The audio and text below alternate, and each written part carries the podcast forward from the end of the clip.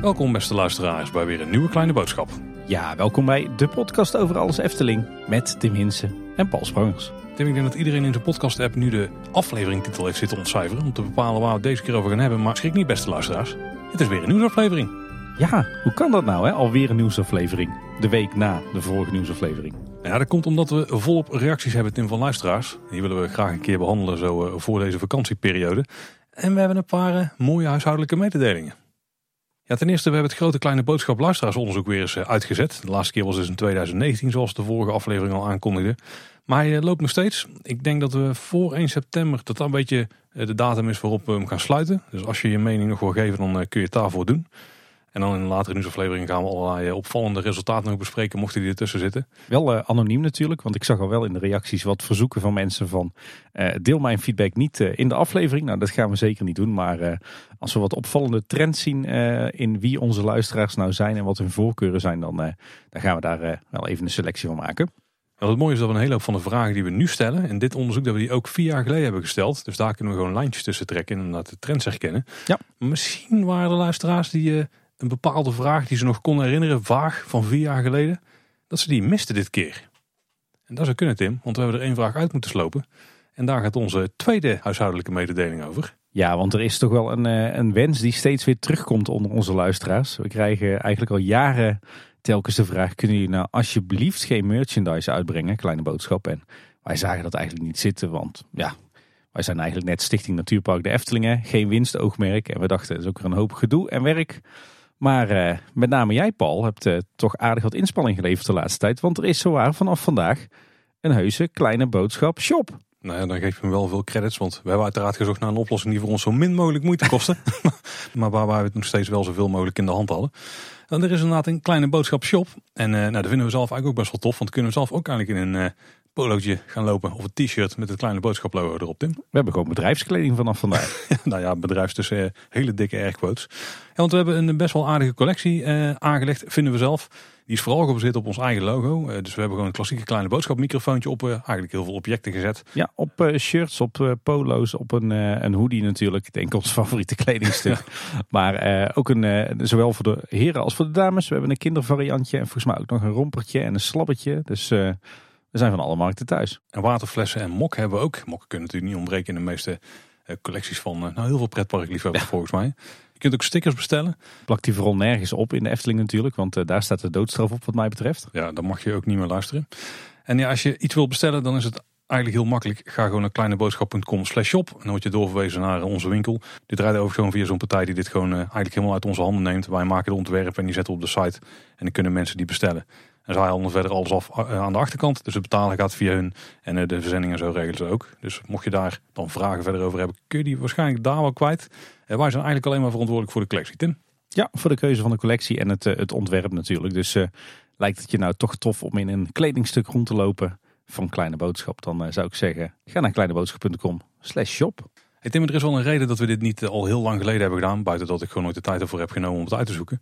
Want we wilden er ook nog een eh, bijzondere twist aan doen aan onze merchandise lijn. Ja, want wat we eigenlijk met de kleine boodschap shop willen doen is uh, creatieve Efteling liefhebbers, die er heel veel zijn, uh, een podium geven. Ja, want wij willen iedere zoveel maanden, en die frequentie hebben we nog niet helemaal besloten, maar dan nodigen wij een creatieve liefhebber uit de scene uit om een gastontwerp te maken. En die zetten we ook in de shop, dus dat is een soort limited edition die je dan kunt kopen. Eh, die dan dus voor een aantal maanden beschikbaar is. Daar gaat ook een deel van het geld dat daarmee binnenkomt, gaat gewoon naar degene die het ontwerp heeft gemaakt. Om ja, gewoon waardering daar ook voor uit te spreken. En sowieso om wat mensen op een podium te kunnen zetten die toffe eh, creatieve dingen doen binnen de Efteling zien. Wordt dit dan een beetje misschien de signature merchandise? Het is natuurlijk tijdelijk. We kunnen het niet signature noemen natuurlijk. Ik kan het zeker niet signature noemen. nou hé, hey, dat gaat helemaal top. We kunnen, het, we kunnen het gewoon erin houden. In ieder geval, de eerste gastontwerper die we daarvoor hebben gekozen is uh, Richard. Richard heeft uh, recent ook uh, via ons wat posters uit kunnen delen. Dit was een prijsvraag een tijd geleden van zo'n hoogmoed-serie posters die hij had ontworpen. En die heeft voor ons een hele toffe uitvoering van een, een op piek geïnspireerde kabouter die op weg is om een strookrijk in elkaar te gaan timmeren. En die is wel heel tof geworden. Wat klassieker dan de andere ontwerpen die wij trouwens hebben. Zeker. En ja, eigenlijk moeten we daar ook mee beginnen in onze shop. Hè? Want Strookrijk was natuurlijk de aanleiding voor het ontstaan van een kleine boodschap. Ja, wat dat betreft echt het perfecte eerste gastitem om in onze shop te hebben. Zeker. Dus uh, wil je rondlopen in Kleine Boodschap merchandise, ga naar kleineboodschap.com slash shop. En wil je ons op een andere manier verblijden, namelijk door jouw mening te geven over Kleine Boodschap, dan ga je naar kleineboodschap.com slash onderzoek. En nou we het toch over creatieve liefhebbers hebben. We hebben de vorige aflevering natuurlijk een prijsvraag uitgeschreven om bij de première van de documentaire van de Vijf Zintuigen Spookslot documentaire te zijn in de Leest in Waalwijk. En die uitslag die geven later deze aflevering. Want ik kijk even op de klok, Tim. Volgens mij zijn onze luisteraars na een minuut of tien intro al klaar voor de follow-up. Ja, zeker. En we kregen wat follow-up op eh, aflevering 336, inmiddels alweer uh, vijf afleveringen geleden. Waarin wij de financiën van de Efteling in 2022 bespraken. Natuurlijk eh, met Roel van Tilburg en Bas van Tilburg. En daar had Danny, Danny van der Weel, bekend natuurlijk van Theme Park Science, had daar nog een kanttekening bij. Maar kleine boodschap. Nou, dat was een ongelooflijk grote boodschap die jullie ons meegaven rondom de jaarcijfers. En hoe interessant was dit?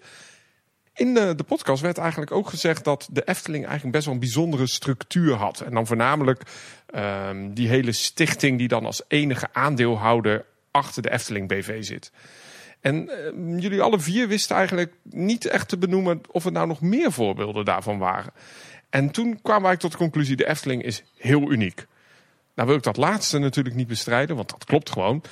Maar zo uniek is dit toch niet helemaal. Kijk, de Efteling heeft dan een natuurpark als stichting uh, achter zich staan.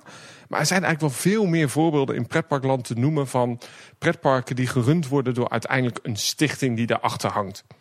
Misschien wel een van de bekendste voorbeelden is, ja, nu moet ik even naar Tim om de juiste uitspraak te doen. Linemäki in Helsinki, Finland. Nou, dat park wordt eigenlijk, uh, is natuurlijk een eigen BV in principe. Maar achter dat park zit de Children's Day Foundation, oftewel de Kinderdagstichting. En eigenlijk al sinds de opening in 1950 is het park bedacht om geld uh, te werven voor de uh, welvaart van kinderen. En in die stichting zitten dan weer zes goede doelen. Waaronder bijvoorbeeld een van de bekendste Save the Children. Maar ook nog vijf specifieke doelen in Finland. Het hele idee is dus dat het park zijn winst maakt.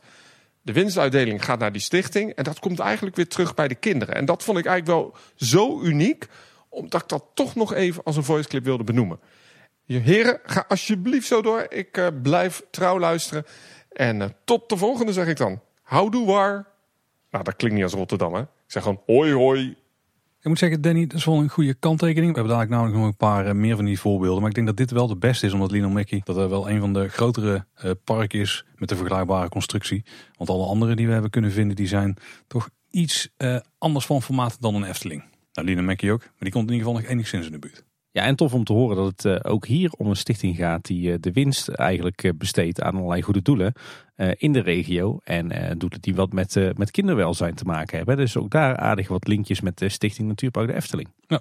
Heel tof, ik wist het echt niet van Linda Mackie. Ik ga er deze zomer naartoe, dus goed om dit in het achterhoofd te hebben. Ja, als we dan toch bezig zijn met een Wie is Wie in de pretpark fanscene. We kregen nog wat aanvullingen van Wessel Wit van Loopings. Die schreef namelijk dat de parken Diversiones denk ik, in Costa Rica. Diversiones, waarschijnlijk. Oeh ja, dan moet je dat zo uitspreken.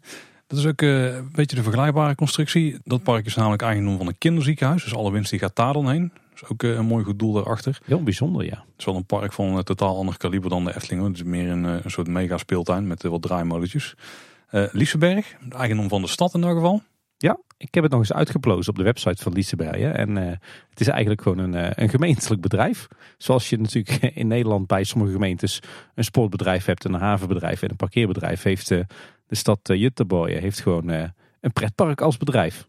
Dat is een mooie tak van sport zou ik denken. En dan hebben we natuurlijk ook nog in Nederland ons eigen Wildlands. En dat is natuurlijk eigendom van de gemeente Emmen. Maar ook heel veel pretparktrekjes. Ja, ik zou eigenlijk ook wel willen werken voor een gemeente die een pretpark in eigendom heeft. Als het budget van een op Zand wel groter was, had het zomaar gekund. ja, ik dacht trouwens ook nog uh, Tivoli Gardens in uh, Kopenhagen zal dan ook wel in eigendom zijn van de stichting of van uh, de stad Kopenhagen. Dat, dat, klinkt logisch omdat het natuurlijk ooit is begonnen als een stadspark voor de inwoners van Kopenhagen. Maar ook daar ben ik eens ingedoken, maar dat blijkt een totaal ander verhaal te zijn. Want Tivoli Gardens is gewoon een beursgenoteerd bedrijf in, in Denemarken. Oh, ja, ja? ja. Nou, dat is toch een beetje van de mensen, als ze allemaal aandeelhouders kopen. ja, als, als ze allemaal aandeelhouders zijn, ja. Hey, dan gaan we door naar de hoofdonderwerpen. En uh, laten we eerst maar eens uh, gaan stilstaan bij het huivelwoud. Letterlijk, even in de zwarte kat. Want eh, daar hebben we nog wat eh, aardige details op gemerkt. Zoals bijvoorbeeld deksels van doodskisten die we zien als achtergrondje van de zelfscankassa's. Die liggen daar eh, eigenlijk gewoon tussen geklemd. Best wel vet. Ja, ik had het helemaal niet gezien. Ik dacht er staat gewoon een houten wand achter. Maar er is inderdaad een deksel van een doodskist. Ja, heel tof. Ik zag het ook wel bij mijn tweede bezoek hier. Wat je dus ook kunt doen bij die zelfscankassa, zodat je daar je abonnement kunt laten zien of kunt scannen dus. En dan gaat er automatisch 5% korting vanaf.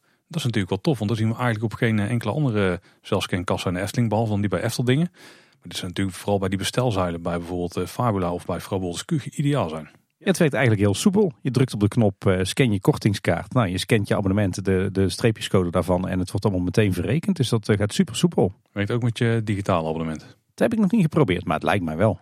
Die scanners kunnen meestal en streepjescodes en QR-codes scannen. Dus ik gok van wel. Hey, de vorige keer zeiden we al, eh, het eh, belangrijkste verbeterpunt bij In een Zwarte Kat is dat er dienblaadjes moeten komen. Nou, dat doe je denk ik toch goed als dat het eh, belangrijkste verbeterpunt Ja, is. Eh dienblaadjes zijn er nog niet, maar we zagen wel inmiddels van die eh, kartonnen bekerhouders. Die je ook eh, kent van eh, de Starbucks en andere koffiezaken. Eh, als we het dan trouwens hebben over eten en drinken. Iets wat mij nog opviel van de week. Want ik heb toch maar weer een keer gezondigd. En ik heb weer geluncht met een eh abdij breekbrood tosti. Is dat ze, eh, als je kiest voor een tosti hamkaas, dat dan de ham erop zit in de vorm van hamblokjes. In plaats van gewoon een plak ham. Nou, oké. Het eh, was een bijzonder mondgevoel. Kan ik me voorstellen. ja. En er was nog wel onduidelijkheid over iets wat wij de vorige keer onder andere aanhaalden. Namelijk dat het exterieur van het eh, gebouw door Karel Willem zou zijn ontworpen.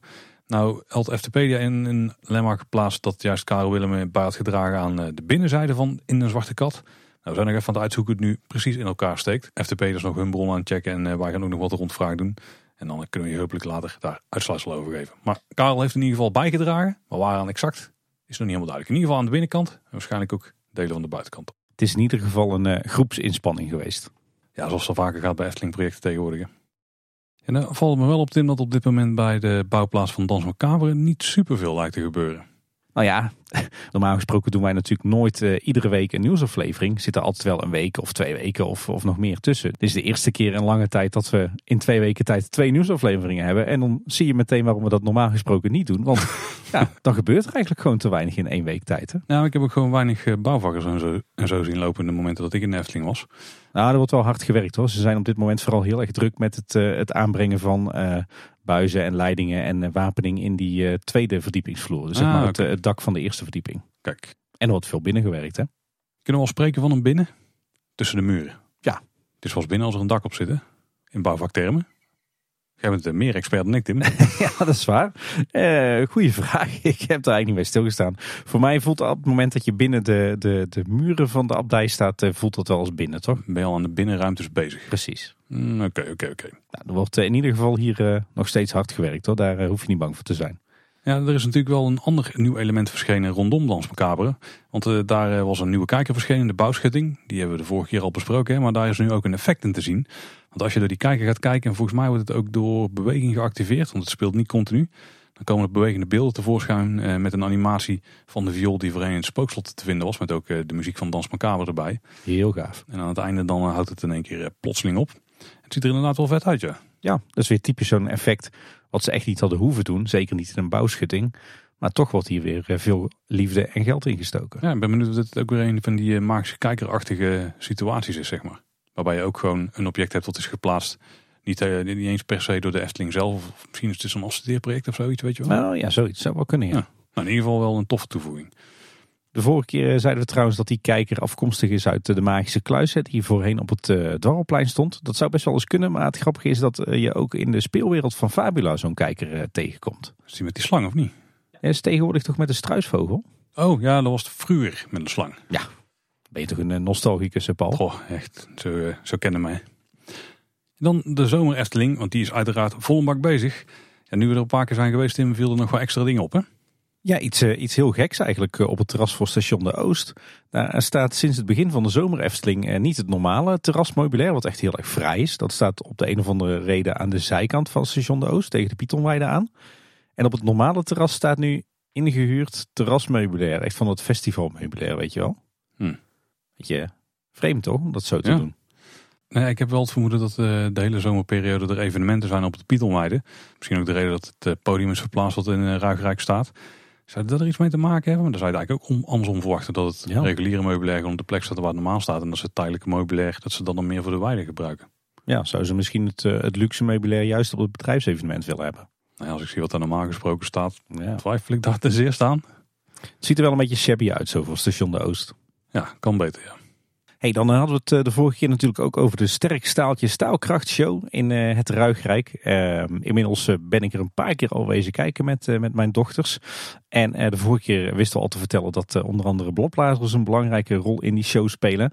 Eh, maar wat ik nog vergeten was te melden is dat eh, het podium daar ook voorzien is van een aantal eh, flink krachtige fonteinen. En dat die toch een, eh, een aantal keer een rol hebben in die show. Serieus? Die heb ik hem nog niet gezien. Ja, dus als je liever niet nat wordt, dan eh, zou ik niet in de danger zone gaan staan. Oh, dat is het vak wat ze daarvoor aan hebben afgetaped. Ja, ja, ja ze Ah. gebruiken die fonteinen om eh, een spelletje te doen en om ook eh, wat uit te leggen over eh, zwaartekracht. Oké. Ik moet zeggen, naarmate je de show vaker ziet, wordt die ook echt, echt leuker. Dus ook hier zit weer dat element in dat eh, de acteurs die die show eh, presenteren, er iedere keer weer net een, eh, een ander feestje van maken, zeg maar. En op hetzelfde podium wordt natuurlijk ook af en toe muziek gedraaid door DJ Dizzy. En er zijn eh, veelal Eftelingse tunes die een beetje een dance remix sausje hebben gekregen. En blijkbaar wordt er ook op momenten gewoon reguliere dancemuziek gedraaid tussen de shows door. Ik heb zelfs nog niet gezien, maar ja, dat is op zich wel iets wat je kunt verwachten als je daar een DJ neerzet. Ja, ja, ik heb het zelf ook nog niet, eh, niet gehoord. Ik zag het inderdaad voorbij komen op, eh, op Twitter. Er was weer wat ophef over. dat het er dus niet alleen maar Eftelingse muziek werd gedraaid. Maar ik weet eigenlijk niet beter dan dat er eh, in de zomer altijd in het Ruigrijk en voorheen het, eh, het Oosterpark gewoon eh, reguliere dansmuziek werd gedraaid op podia. Dus het voelde weer een beetje oud en vertrouwd. Ouderwets. Je bent ook een nostalgicus in. Dat zal voor niemand de vraag zijn. Daarover gesproken, ik heb inmiddels ook een paar keer op het Max Moritzplein naar, het, naar de Anderberg Muziekverein staan kijken. En de vorige keer zeiden we al, eh, de acteurs die onderdeel uitmaken van die band, eh, die, eh, die hebben echt wel lef. Die komen echt wel dicht bij je en die durven ook best wel wat opmerkingen te maken. Nou moet ik zeggen dat het me eigenlijk steeds meer doet denken aan een soort reïncarnatie van de enige echte Efteling fanfare. Nou, dit ging dus wel door mijn achterhoofd heen toen die, die act was aangekondigd. Maar ja, de vorige keer had ik dat idee ook al een beetje. En toen leek het wel mee te vallen. Ja, Maar- de- het, het ontwikkelt zich wel echt die kant op. Het is echt zo'n mix van eh, gewoon goede muziek die wordt gespeeld. Met eh, onderling heel veel eh, grappen en grollen. Maar ook best wel veel interactie met het publiek. En eh, ze schromen niet om ook eens wat mensen eh, in de kijker te zetten en eh, te bekritiseren. En eh, wat ik ook heel tof vind is dat er ook interactie is met de andere acts daar op het plein. Zeker met eh Bekker Krumel en eh vrouw Smetteling. Die spelen ook een rol in hun showtje weer. Dus het is echt heel tof wat daar aan het ontstaan is voor eh, act. Klinkt goed. Misschien wel de grote verrassing van deze zomer Efteling. Ja, nieuw favorietje misschien? Ja, misschien wel meer inderdaad. eh, Sowieso denk ik me- meer favoriet dan de sterk staaltje staalkrachtshow. Maar misschien ook wel meer favoriet dan het zomerstrand. Oeh, oké. Het is een eh, hele toffe verrassing. Hey, de vorige keer toen meldde jij dat de gin in een hoekje van het Carnaval Festivalplein aan het slapen is als hij niet in gebruik is. Nou, dan loopt hij wel een eind, toch? Welk plein zei ik? Carnaval Festivalplein. Oeh, dat is wel een loop, ja. Hij vindt natuurlijk zijn plekje in een hoekje van eh, het Fata Morganaplein. Maar ehm, het mooie is dus, als hij daar ligt te slapen, met airquotes, dan hoor je hem ook echt snurken. Ja, heel gaaf. Echt eh, ook voor detail. Vet detail, ja. Ja, en we zien natuurlijk ook dat op eh, de verschillende pleinen allemaal extra chalets worden geplaatst. Hè, toch voor wat, eh, wat seizoenshoreca, wat extra capaciteit. Eh, dat blijkt nu ook het geval te zijn op het Fata Morgana plein. Want daar is een eh, extra chalet geplaatst tegen het eh, terras van de oase aan. Waar je tea en fruits kunt krijgen volgens het, eh, het bordje. Dus eh, wat vers fruit en ook van die uh, Lipton eh, iced tea. Hè? Kijk, en de vorige keer toen hadden we het al over dat ze eindelijk ook een loaded fries hadden met saté weer. Dat was lang geleden. Nou ja, ze, ze, de Efteling niet, maar wel uh, Laplace. Hè? Binnen de hekken van de Efteling kun je dat krijgen. Dus ik ben hier eens eh, gaan checken. Dit keer had ik wel eh, succes. Nou ja, succes. Ze hebben daar een schitterend plaatje staan van eh, hoe een frietje Gado Gado eruit zou moeten zien. Of een loaded fries Gado Gado. Maar dat plaatje is een leuke, Tim. Oh, vertel. Op het plaatje zie je gewoon een beetje klassieke Gado Gado. Hè. Dus satésaus met kroephoek en dan een beetje wat groente dingen erin. Dus wat uh, tauge of zo. Een beetje uit de Indonesische regio, zeg maar. En ik bestelde dat ding en ik kreeg gewoon friet. Met daarop een kwak satésaus met wat kippen erheen. En daar zat mayonaise op. En daar zat zuurkool op. En, ja, en, en een beetje lentuitjes. Nou, dat paste dan nog wel. maar dat was echt helemaal niet waar, waar ik op had gehoopt. Uh, dus dat was een soort van tegenvaller. Een anticlimax voor jou. Ja, vooral mayonaise wordt gewoon echt niet uh, thuis op zo'n ding. Die zuurkool kon ik zo nog half vergeven, maar ook niet echt uh, oosters. Nou, frietjes, saté, mayonaise kan je mij uh, s'nachts voor wakker maken hoor. De kroephoek meestal, dat is echt een van de meest essentiële onderdelen van het geheel. Nou, dus dat is al vrij vreemd. Ze hebben niet op hun eigen bord gekeken. En wat ook wel bijzonder is trouwens, is, uh, weet je wat het verschil is tussen de, de kip gado gado en de vega gado gado? Nee.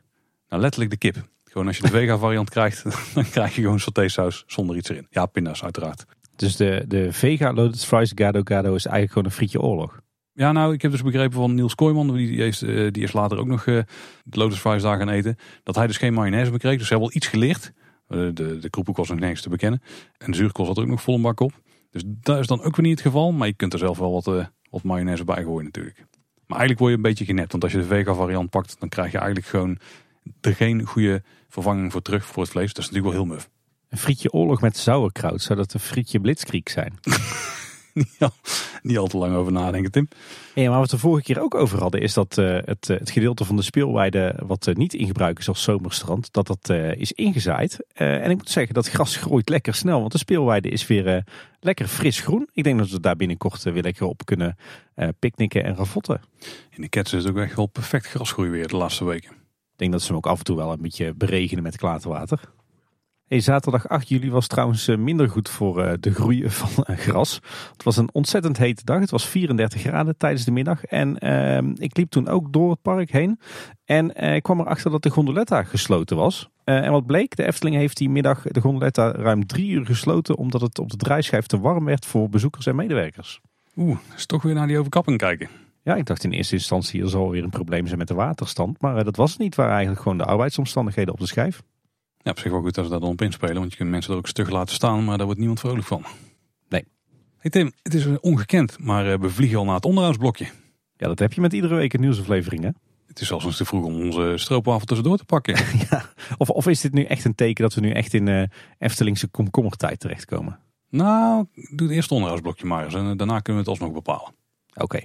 Hey, het onderhoud de afgelopen week, uh, daar stiekem nog best veel over te melden. Dat wou ik zeggen. Want er is zowaar thematisch groen toegevoegd aan, ik wou zeggen, het, het dwarrelplein. Eigenlijk de restanten van het dwarrelplein. De route langs de bouwplaats van Efteling Grand Hotel.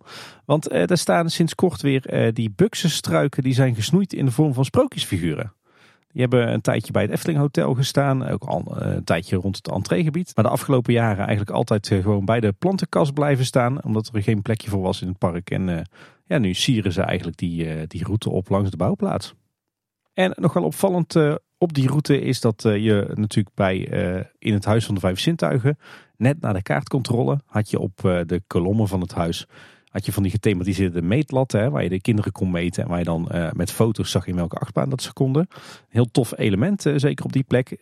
die zijn weg. Oeh. Zou er een nieuwe achtbaan bij komen? Ja, of zou Dans voor Kamer een minimumlengte krijgen en dat Oeh. die er misschien al eerder op komt. Zouden ze dat dan al zo vroeg aankondigen? Ja, het is wel echt een, een hype dingetje. Hmm. Dan hoop ik maar dat eh, mijn kinderen erin kunnen tegen de tijd dat het 2024 eh, is. Eén ding wat er wel tegenspreekt is dat je die natuurlijk al lang gewoon klaar hebt kunnen liggen. En dat je die dan op dezelfde dag kunt wisselen. Waarom zou je ze dan weghalen en dan opnieuw terugplaatsen? Hmm. Nou, iets om in de gaten te houden de komende weken. Hey, dan eh, door naar Fantasierijk. Daar is sowieso op de Polleskeuken de muurschildering klaar. Hè. Die verwijst naar de toiletgroep met daarop het silhouet van Symbolica en uh, Polleskeuken. maar ook goed nieuws in Symbolica zelf. Want uh, daar waren natuurlijk de afgelopen tijd uh, aardig wat defecten, met name met, met bewegingen en animatronics. Maar zowel in de voorshow als in het botanicum als in de Koningszaal zijn alle uh, problemen verholpen. Dus uh, je Punctueel die beweegt weer gewoon. de fabelvis die gaat weer netjes op en neer. En in de Koningszaal werken zelfs de zwevende taart en de vrouw die uit de taart komt weer. Dus dat staat er allemaal heel netjes bij eigenlijk maar één klein puntje van aandacht in die attractie. En dat is eh, de speaker die achter Pardoes verstopt staat. Die je aan het eind, uiteinde van eh, Botanicum vindt. Uh, voorheen was die weggewerkt, maar die staat nou ja, gewoon in het zicht. Dus het ziet er een beetje vreemd uit. Omdat natuurlijk voor de rest alles in Symbolica heel vrij is weggewerkt. En als we dan gaan kijken in het andere bij Fata Morgana. Dan zien we dat ze onderhoud aan het plegen zijn bij het dak van het Fata evenementencomplex. Er wordt de isolatie aangebracht lijkt het. Ja, dat wordt uh, goed nageïsoleerd. Dus dat zal ook uh, positief zijn voor het uh, energieverbruik. En ik zit te denken, waarschijnlijk hangt dat ook samen met dat nieuwe energiesysteem in, in Anderrijk. Hè? Het gasloos verwarmen. Want om van zo'n warmte-koude opslag gebruik te maken, moeten je gebouwen eigenlijk goed geïsoleerd zijn. Anders dan kunnen die niet voldoende warmte genereren. Dus misschien dat ze daarom nu hier het dak extra isoleren. Daar zit het dik in, ja. ja. Wat dan opvalt op het voorplein van Fata Morgana is dat alle fonteinen en fakkels buiten uitstaan. Ja, dat is al een tijdje zo. Van de fakkels is dat ja, weten we waarschijnlijk uh, besparing van gas. Maar de fonteinbakken staan nu ook leeg al een uh, hele tijd. Ja, dat moeten we niet hebben natuurlijk. Nee, zorgt toch voor wat uh, kinetics op dat voorplein. Hè? Zeker, ja. Als we in ieder geval in de attractie zelf gaan kijken, daar goed nieuws. Want alle defecte animatronics die werken weer. Net zoals vrijwel alle deuren, want ja, de rotsdeur is natuurlijk de enige hardnekkige volhouder die daar niet wil bewegen. En de gordijnen dus ook. En zelfs de fontein en haven, die werkt weer Tim, die daar wel. Ja, alleen komt er nog geen water uit de kruik van de, de watergooiende vrouw op de markt. Uh, nog meer goed nieuws Tim, want bij Fabula lijkt de boom in de hoofdshow weer te vallen. Hij was natuurlijk recent eindelijk weer in werking nadat hij hele lange tijd in storing had gelegen. En we waren allemaal super enthousiast. Maar vervolgens uh, was er toch weer iets mee aan de hand waardoor hij het niet deed. Maar uh, gelukkig nu een aantal dagen later uh, werkt het weer. Ja, dan ietsje verderop in het andere rijk bij de Piranha valt op dat de gevel van het, het gebouw dat hij zich toch in steeds slechtere staat begeeft. Heel veel van het schilderwerk op de gevel begint te schilferen en te bladderen. En ook hele stukken stukwerk die scheuren en afbrokkelen. Nou weten we natuurlijk dat waarschijnlijk komende winter de Piranha alsnog groot onderhoud krijgt. Dus laten we dan hopen dat eh, de gevels van het gebouw eh, ook even een goede grondige beurt krijgen. Heeft natuurlijk ook al veel te lijden daar. Absoluut. En nog een kleinigheidje. Aan de achterkant van de Piranha heb je de karpervijver. En er is een tijdje geleden een uh, nieuwe stuw ingeplaatst hè, om het waterpeil in die vijver te kunnen laten fluctueren. Blijkbaar werd die in de praktijk nogal eens door mensen gebruikt als een soort uitdagende brug. Uh, om aan de overkant van de Carpro te komen tegen de Piranha aan. Dus dat is natuurlijk niet de bedoeling. Wel duidelijk behoefte aan een uh, avonturenparcours. Absoluut, ja. Alleen het is natuurlijk niet heel handig als mensen ineens bij de baan van de Piranha kunnen komen. Ja, het is sowieso niet voor bedoeld natuurlijk. nee, je moet goed, goed kunnen balanceren. Maar dat hebben ze in ieder geval uh, onmogelijk gemaakt met een hekwerk op die stuw. Dan door naar het Ruigrijk. Daar is de halve maan volgens planning op vrijdag 7 juli eindelijk heropend. Hè, na die langdurige hardnekkige storing en de onderhoudsbeurt. Ik heb er inmiddels weer een aantal ritjes ingemaakt met, met de dochters. En ik moet zeggen, hij draait echt als een zonnetje. Zag wel dat hij af en toe nog in, in storing ligt. Maar volgens mij is het hardnekkige probleem wel verholpen. En ietsje verderop, bij het eh, kinderspoor, is eh, de grote onderhoudsbeurt eh, ook nog steeds niet ten einde. De attractie is wel open, maar ze hebben nu het molentje in het parcours in de stijgers gezet. En de wieken zijn er ook af, dus waarschijnlijk krijgt dat gebouwtje ook een grote opknapbeurt. In het Reisrijk bij Carnaval Festival, daar werkt de draak in de China-scène weer. Die beweegt er mooi op en neer. Maar hij mist nu zijn hele onderkaak. Een bijzonder gezicht. Het is geen effectieve draak. Die kan een beetje hakken met zijn boventanden zo. En in het Marenrijk daar hebben we meer duidelijkheid over de inzetbaarheid van de locomotieven van de stoomtrein. Want de Loopings die heeft daar wat navraag over gedaan. Hè? Ja, inderdaad. Eh, de schade aan eh, de locomotief Treintje, die werd eh, een week of zes geleden aangereden door een betonwagen. Die blijkt mee te vallen. Maar toch wacht de Efteling nog op een aantal onderdelen om die lok weer te kunnen laten rijden. En Efteling geeft aan dat dat nog wel even kan duren.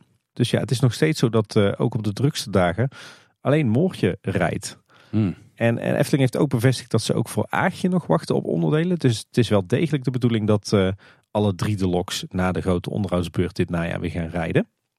Dat levert trouwens misschien nog wel een, uh, een voordeeltje op uit de onverwachte hoek. Want als dit najaar alle loks onderhoud hebben, dan kan natuurlijk de stoomtrein een aantal weken misschien wel niet rijden. Dan kunnen ze mooi meteen wat stikstofuitstoot verrekenen. Dat zou wel gunstig kunnen zijn, ja. Volgens mij stoten die loks best wel wat stikstof uit. Dus dan kunnen ze mooi in die paar weken een paar bouwprojecten de grond uitknallen. Ja? Of zou dat zo niet werken? Uh, ik vind het goed. Ik keur het goed. Maar ik weet niet of ik er veel over te zeggen. Het we hebben recent een rondje gedaan door de stoomcarousel, waar natuurlijk onderhoud plaatsvindt. En uh, nu zien we dat de rode houten vloer bij de entree in de kassa dat die gesloopt is. Ja, die was ook wel in slechte staat. Hè. Dat uh, is zo'n houten plankenvloer en dat hout was op plekken rot en dat stond omhoog. En dat was flink aan het verweren. Dus ik kan me voorstellen dat ze hier een nieuwe vloer willen maken. En bij het diorama daar eh, hebben we goed nieuws. Want op de kop van, van het diorama daar vinden we water in de vijvertjes en in de stroompjes. Misschien waren er wat beschadigingen, want de bodem is er opgeknapt hè? Ja, er heeft natuurlijk lange tijd geen water in de verschillende vijvertjes gestaan. Zeker hier op de kop niet. En daar zag je duidelijk dat het, het schilderwerk van die vijvertjes flink aan het bladderen was. En dat is allemaal nu weer netjes gemaakt.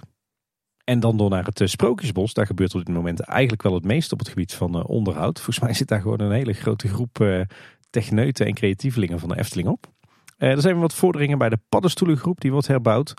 De buitenste laag van het stukwerk zit nu ook op de paddenstoelen en de brug.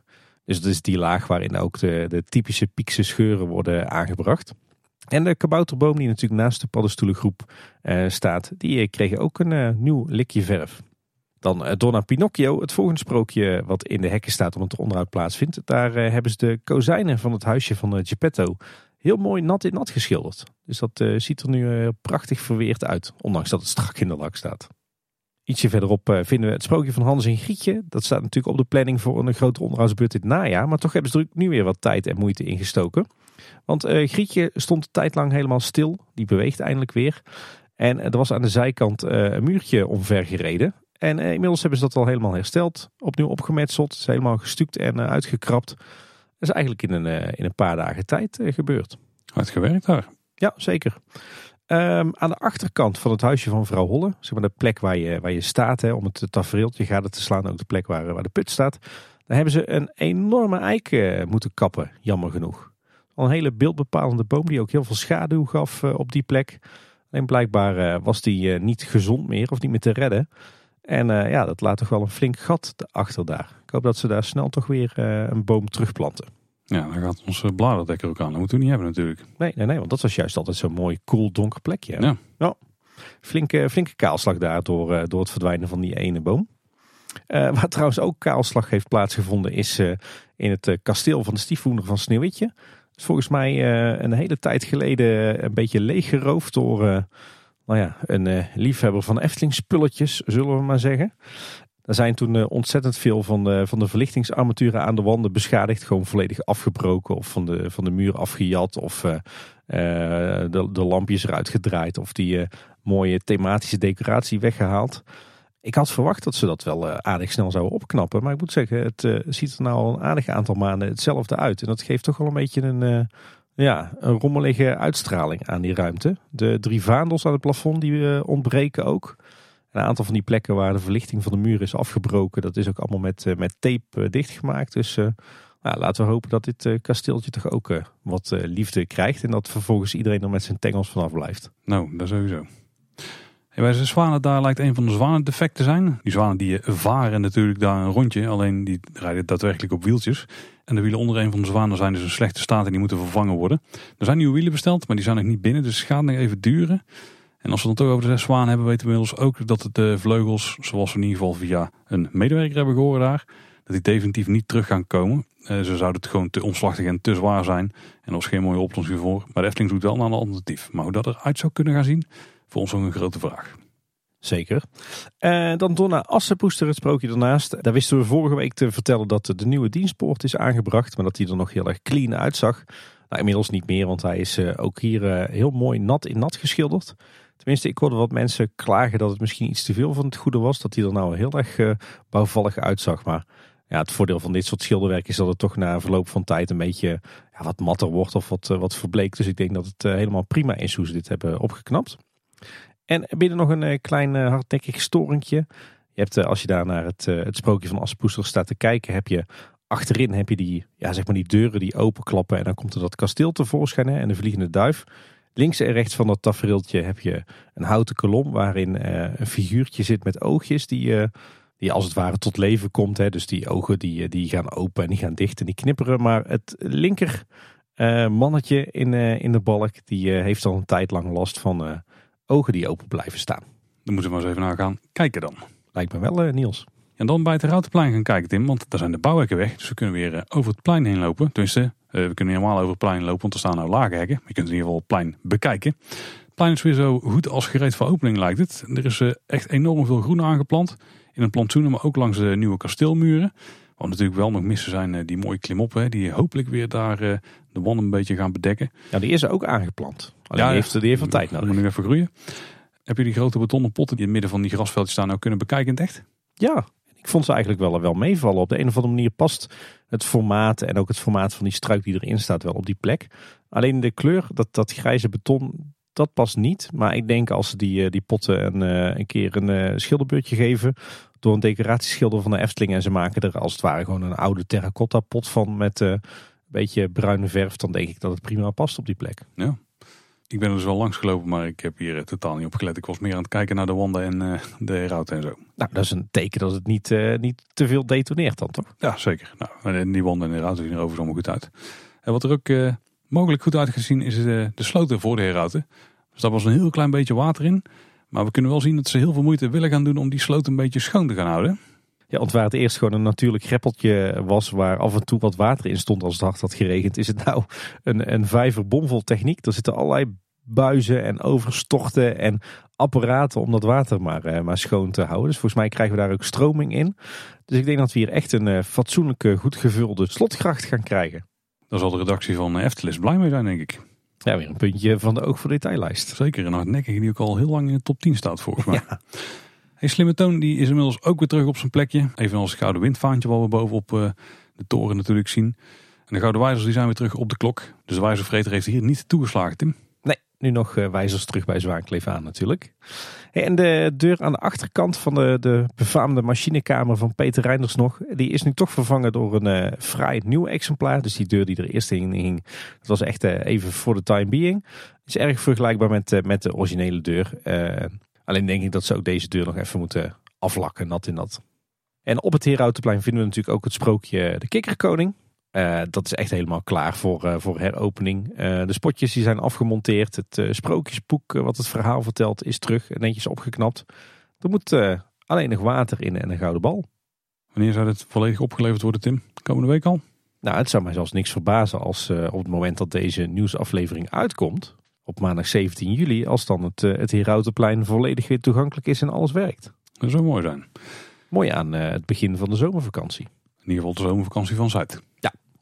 En tot slot nog een paar hele kleine puntjes in de rest van het Sprookjesbos. Bij de Indische Waterlelies valt nog op dat, uh, dat uh, nu eindelijk de sterren in de sterrenhemel nu heel mooi uitdimmen aan het eind van de show. Hebben ze echt heel, heel mooi ingeregeld. Ik zou zeggen nu nog even naar uh, het meisje met de zwavelstokjes. Um, en buiten valt op dat alleen het onderste deel van de fontein in de vijverbak in gebruik is. En bij de Chinese nachtegaal valt op dat de mechanische nachtegaal, hè, die bezet is met kostbare diamanten en edelstenen, dat die amper meer beweegt als hij opgewonden wordt. Dus daar moet misschien ook even naar gekeken worden. En dan de wereld van Efteling, daar gebeuren ook nog allerlei dingen. Zo lijkt er wat onderhoud te zijn aan de voetgangerstunnel. Heijmans die was daar bezig. Er stond ook een kraan bij en zo. Zou ze die water dicht aan maken zijn? Ja, het viel me wel op dat de laatste tijd, zeker de afgelopen winter, dat er heel vaak flink wat water in die tunnelbak stond. En Heijman staat er nu met groot materieel bij. Dus het uh, zou me inderdaad niks verbazen als ze gaan proberen die tunnelbak wat beter waterdicht te maken. Ik zag dat ze met onderhoud bezig waren met aan de pomp. Die daar het, het regenwater uit het diepste punt van de tunnel moet, moet pompen. Dus dat is daar echt wel een, een puntje van aandacht. En dan hadden we het de vorige keer natuurlijk over dat, dat aan de achterkant van het Efteling Theater... dat daar de leidingen van het warmte- en koude net zo raar tegen de gevel omhoog komen... Inmiddels wordt het netjes weggewerkt in een uh, houten omkasting. Dus dat ziet er uh, wat minder vreemd uit. En bij de verblijfsaccommodaties zijn ze druk bezig met het uh, vervangen van de PVC regenpijpen door zink. Zo is het Efteling Hotel nu ook voorzien van mooie zinken regenpijpen. In plaats van van die geel geschilderde PVC exemplaren. en op Bosrijk viel op dat de dorpshuizen, het dorpspleintje naast het, het poorthuis. dat ze daar ook nieuwe hemelwaterafvoeren hebben aan de voorkant. Voorheen liep het water daar met een stukje regenpijp op het, het afdakje boven de ingang van het huisje. Uh, maar die regenpijp hebben ze nu gewoon verlengd tot op straatniveau. waarschijnlijk om te voorkomen dat, dat die dakpannen daar heel erg groen worden. Of dat je alsnog nat werd tijdens een regenbui. omdat het regenwater van het, dak gewoon boven je hoofd over het afdakje stroomde. Bij eh, Bosrijk voor de deur is het overigens op dit moment wel een rommeltje. Want daar zijn ze druk bezig met, met de bekabeling richting de Zonneweide. Hè, verderop aan de Eftelingse straat. En daarvoor hebben ze de wegen op een heel aantal plekken moeten openbreken en provisorisch dichtgemaakt. de kabels liggen er al in. Dus laten we hopen dat het allemaal snel weer dicht wordt gelegd. En dat er ook wat, wat beplanting weer wordt hersteld. En tot slot de afgelopen weken ook weer geregeld eh, storingen met eh, de verkeerslichten op de Europalaan. Wat af en toe best wel voor gevaarlijke situaties zorgt. En eh, zelfs af en toe een aanrijding. En ik moet zeggen, ik had het eerder deze week wel heel erg warm. Want ik reed s'avonds laat vanuit hier, vanuit de kleine boodschapstudio naar huis. Over de Europalaan. En toen was zelfs het hele wisselstrooksysteem defect. Oh, dat kan wel linkersoep zijn. Ja. ja, dan ga je puur af op de wegbeleiding. En die is op zich wel oké dan. Hè? Ja, en ze hadden ook, uh, ook tijdelijk wat pilonnen op het midden van de weg uh, gezet. Hm. Maar het is best wel freaky als je dan, als je gewend bent dat daar netjes om de zoveel meter is aangegeven waar je wel en niet mag rijden als ineens alles op zwart staat. Was misschien op dat moment bezig met aanpassingen? Dat daarom even uitstond? Nee, want het was al na middernacht en er was oh. niemand te bekennen. Ja, zo gaat het bij kleine boodschappen. ja. valt even, even door. Ja. Ja, dan door naar het kort nieuws. En dan beginnen we op eh, vrijdag 7 juli, want toen was de dag van het sprookje. Natuurlijk op de zevende van de zevende, want 7 is een bijzonder getal in de wereld van de Efteling. En dit jaar werd dat uiteraard door de Efteling gevierd. Verschillende medewerkers van attracties, horeca, maar ook de directie, die uh, verlieten tijdelijk hun werkplek. Want die gingen met een sprookjesboek onder een arm een plekje zoeken in het park. En dan gingen ze voorlezen voor de gasten. Er waren in totaal zeven locaties. Uh, het was geen verrassing, denk ik. En die waren aangekleed met een bordje en een hoop poeven waar je dan kon gaan zitten om te luisteren. En een paar eh, die ons wel in het oog sprongen, Tim. Luc de Portier, die mocht een sprookje voorlezen. In dit geval de zeven gaatjes en die las hij voor bij de zeven gaatjes. Heel tof. Maar ook Koen Sanders die is uit uh, Ravelijn gekomen. En die ging het sprookje van de rest van Ruikrijk voorlezen. En dat deed hij in Nest. Ja, ook geen grote verrassing. Hè? Want we weten dat, uh, dat Koen Sanders natuurlijk uh, zelf enorm betrokken was bij de totstandkoming van Nest. En ook het, het boek waar, waar hij uit voorlas. Maar sowieso wel een heel leuk, schattig klein initiatief. Hè? Gewoon sprookjes voorlezen op de dag van het sprookje. Wat mij betreft mogen ze dat wel inhouden als vaste traditie. Ja, nou zal het ook zelfs wel mogen, wat, wat duidelijker mogen aankondigen. Qua waren bijvoorbeeld op de hoogte omdat een uitnodiging hadden gekregen om langs te komen. Waar wij helaas niet bij konden zijn.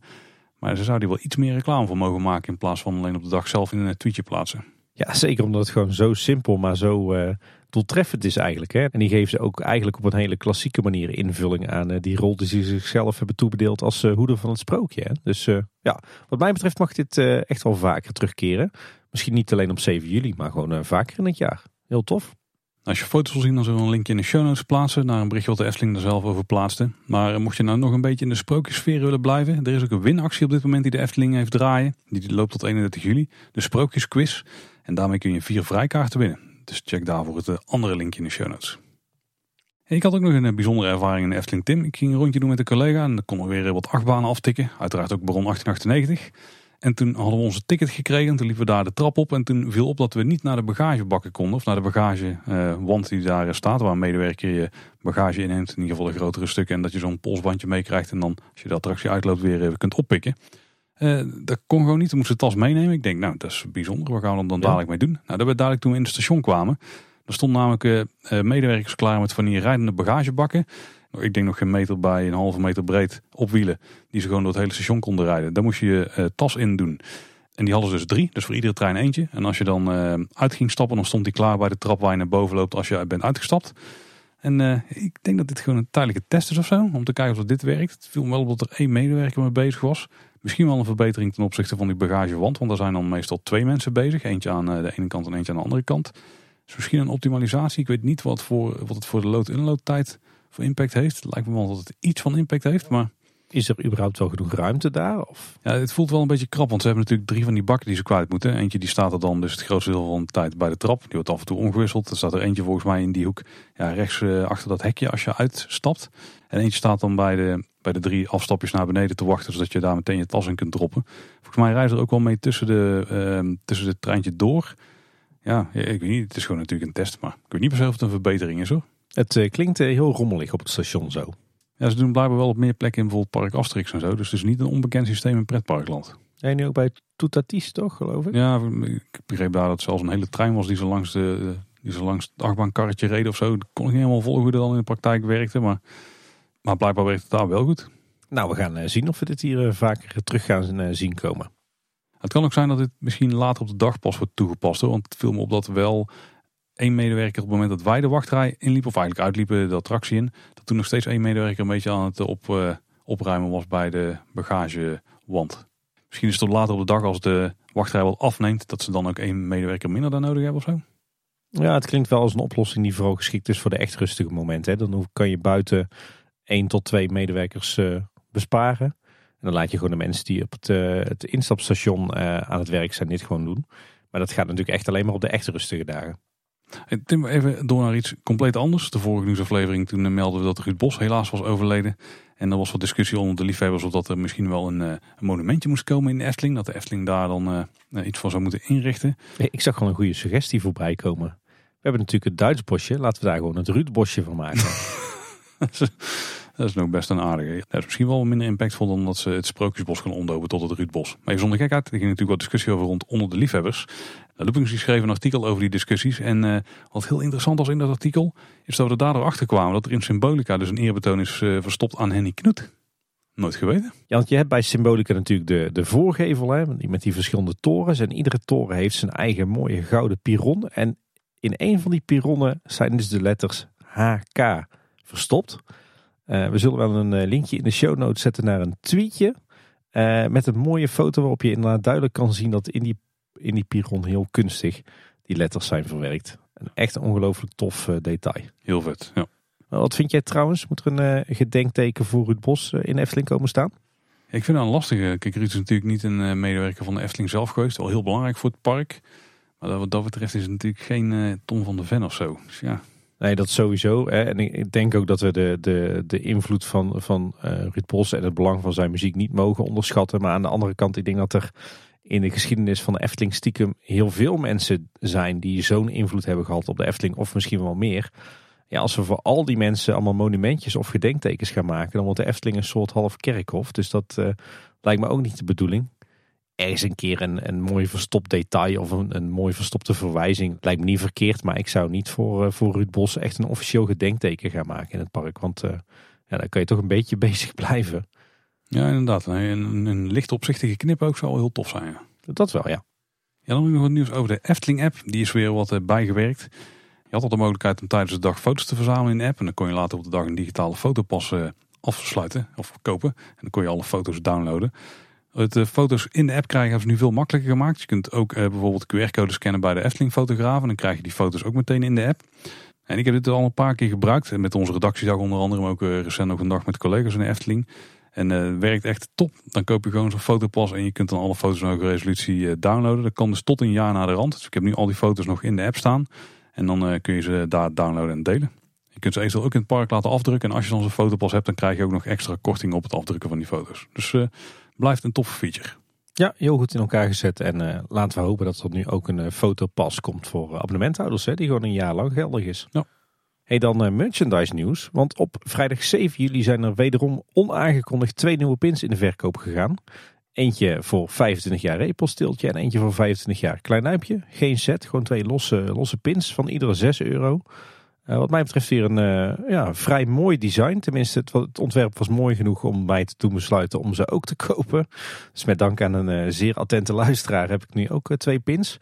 overigens had ik wel de gewone pins, want er bleek ook een productiefout tussen te zitten. Want er zijn een aantal pins van Repelstiltje in omloop met daaronder de tekst klein duimpje.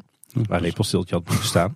Dus je zou zeggen foutje, maar ik denk dat dit toch wel collectors items worden. Want dan moet je natuurlijk alle versies van de pin hebben. Dat zijn wel echt limited editions. Ja. ja. Nou, ik neem genoegen met uh, een goed exemplaar van, uh, van beide. En er zijn nieuwe sokken in zwart en grijs met erop uh, silhouetten van de sprookjesboomfiguren. 57 per set en beschikbaar van maat 23 tot 46. Dus daar komen wij ook aan onze trekken, Paul. En ook nog een, een leuke vacature eh, de Efteling zoekt een teamlead eh, voor de afdeling onderhoud en service. En eh, dan niet zeg maar de, de afdeling die gaat over het onderhoud in het Efteling Park. Maar onderhoud en service van hotels en resorts. Dat is een aparte club. En wat houdt dat nou in? Als teamlead ben je samen met je team verantwoordelijk voor de instandhouding, het beheersbaar houden van storingsmeldingen en de uitvoering van eerste lijns onderhoud in de hotels en vakantieparken. Veiligheid, beschikbaarheid en kwaliteit van alle accommodaties en overige objecten staan hierbij hoog in het vaandel. Oftewel in normaal Nederlands zou je zeggen, je bent dan eigenlijk uh, manager van de technische dienst van de hotels en de vakantieparken van de Efteling. Een uh, ontzettend gave functie. En dan voordat we naar heel veel reacties van luisteraars gaan, eerst de uitslag van de wedstrijd voor uh, première tickets voor de Spookslot documentaire. Ik geef even nog een roffel, Paul. En we gaan er iets meer laten horen dan ik had verwacht van tevoren, want ik heb er twee uitgekozen en ik twijfel daar zeer tussen Tim. En uh, die ga ik jou uh, laten horen. Voor jou voor het eerst. En dan mag jij kiezen welke jij het beste vindt. En het mooie van beide inzendingen is, die hebben er echt wel van gemaakt. Het zijn uh, bijna mini-hoorspelen. Oeh, daar heb ik zin in. En dan beginnen we met de inzending van Heiko Pagen. Heiko, sorry als ik je naam niet juist uitspreek. Het blijkt dat Jozef Charlatan en zijn orkest uit jaloezie om het leven zijn gebracht door niemand minder dan Yoki, de killer clown. Yoki was jaloers omdat Jozefs Dansen Macabre wereldwijd bekender werd dan het Carnaval Festivallied geschreven door Yoki. Om Yoki te pesten spelen de geesten van Jozef en zijn orkest het Dansen Macabre lied tot in den eeuwigheid in de Efteling. Zodat Yoki er gek van wordt. Nou, dat was de eerste, Tim. Ja, heel mooi. En de tweede die is van Maarten Roeks. En uh, ook weer een hoogspel, Tim. Terwijl zijn vrouw Virginie er even op uit is, veegt Otto Charlatan driftig de vloer van hun pas geopende etablissement. tot hij plots drie enge gestalten naar hem ziet loeren vanuit de zwart geblakerde zolder. Wie, wie is daar? Bent u het onnoembaar? Luister hier, Otto Rolmops. Als jij en je vrouw hier rustig winkeltje willen spelen, willen wij drie dingen. 365 nachten per jaar toegang tot de zwarte kat. Elke volle maan een portie ketelkoek. En een koffieabonnement. Ja, het koffieabonnement. Heel mooi. Ben jij een van die drie eh, schimmen, Tim? Ja, dat moet haast wel dan, hè? Dat lijkt het wel op, ja. Wat is jouw eh, favorietje? Ja, ik vind ze alle twee op hun eigen manier heel erg origineel. Maar ja, als ik moet kiezen, wat hadden we de vorige keer gezegd? Het criterium was waar we het hardst om moesten lachen. Ja, dan wint wat mij betreft uiteindelijk... Ja, toch Maarten. Ja, het een lichte edge inderdaad op eh, de andere wat mij betreft. Nou, top. Maarten, hartstikke gefeliciteerd. Je hebt bij deze twee tickets gewonnen voor eh, de première van de documentaire van Spookslot. Dan eh, zie ik jou daar, denk ik. Ja, neem even contact met ons op en dan zorgen wij dat de vrijkaartjes in jouw bezit komen. Dan door naar de reacties van luisteraars, Tim. En dan beginnen we Tim met een voiceclip van Jamie. Die heeft al vaker een voiceclip ingestuurd. En ze had hier een interessante vraag voor eh, met name mij, Tim. Maar ook een beetje voor jou. Oh, dan ben ik benieuwd. Beste Tim en Paul, Jamie weer hier. Na het luisteren naar een aflevering van Kleine Boodschap, die opgenomen was tijdens coronatijd, waar Paul het over Uncharted games had, kwam er een vraag in me op. Hoe zou voor jou, Paul, de perfecte Efteling game eruit zien? En voor Tim, omdat je niet echt van de games bent, wat is de perfecte Efteling-serie of film? Mag jij natuurlijk ook over uitbreiden hoor, Paul. Ik zie zelf een open wereld game voor me. Het liefst zou ik eh, willen dat deze ontwikkeld was door Guerrilla Games, een Nederlandse gameontwikkelaar die een van de allermooiste open wereld games heeft ontwikkeld, namelijk Horizon. De game zal beginnen in een wereld waar Efteling nooit tot ontstaan is gekomen in Kaatsheuvel. Een bewoner uit Kaatsheuvel, jouw avatar, wandelt na een frustrerende situatie hopeloos door het natuurgebied waar nu de Efteling is. Nadat jouw karakter ergens onder een boom een moment van rust ondervindt, vindt deze persoon onder wat bladeren een oud sprookjesboek. Helemaal verstoft en verouderd. Na het openslaan van dit boek is je karakter bijzonder geïntrigeerd door de mooie en spannende verhalen uit de wereld van de Efteling zoals wij die kennen. Tot haar grootste verbazing verschijnt er een gezicht in de beruchte boom. Het blijkt de sprookjesboom. In de game een stuk rustieker en minder cartoonesk dan zoals wij hem kennen. Je hoort dus net de woorden: We hebben je hulp nodig en help. Voordat de grond gaat schudden en je op een magische manier de wereld vol wonderen binnen wordt gezogen. Het blijkt dat de Efteling wordt geterroriseerd door de antagonisten van de Efteling. Wolf, de boze stiefmoeders, Hugo en Willem, en ga zo maar door.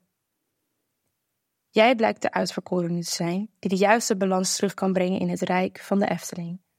Tijdens de game zal je langzamerhand vrienden maken met de protagonisten van de Efteling en wat andere characters. Net zoals in de meeste open world games zal je een main mission hebben en side missions. De map zal ongeveer dezelfde layout hebben als de Efteling nu heeft, maar dark rides en coasters zullen meer realistische gebieden zijn. Zoals dat de droomvlucht een echt elfenrijk is waar je doorheen kan wandelen. En de Vata echt een oosters gebied is waar je door verschillende scènes van de daadwerkelijke dark ride loopt.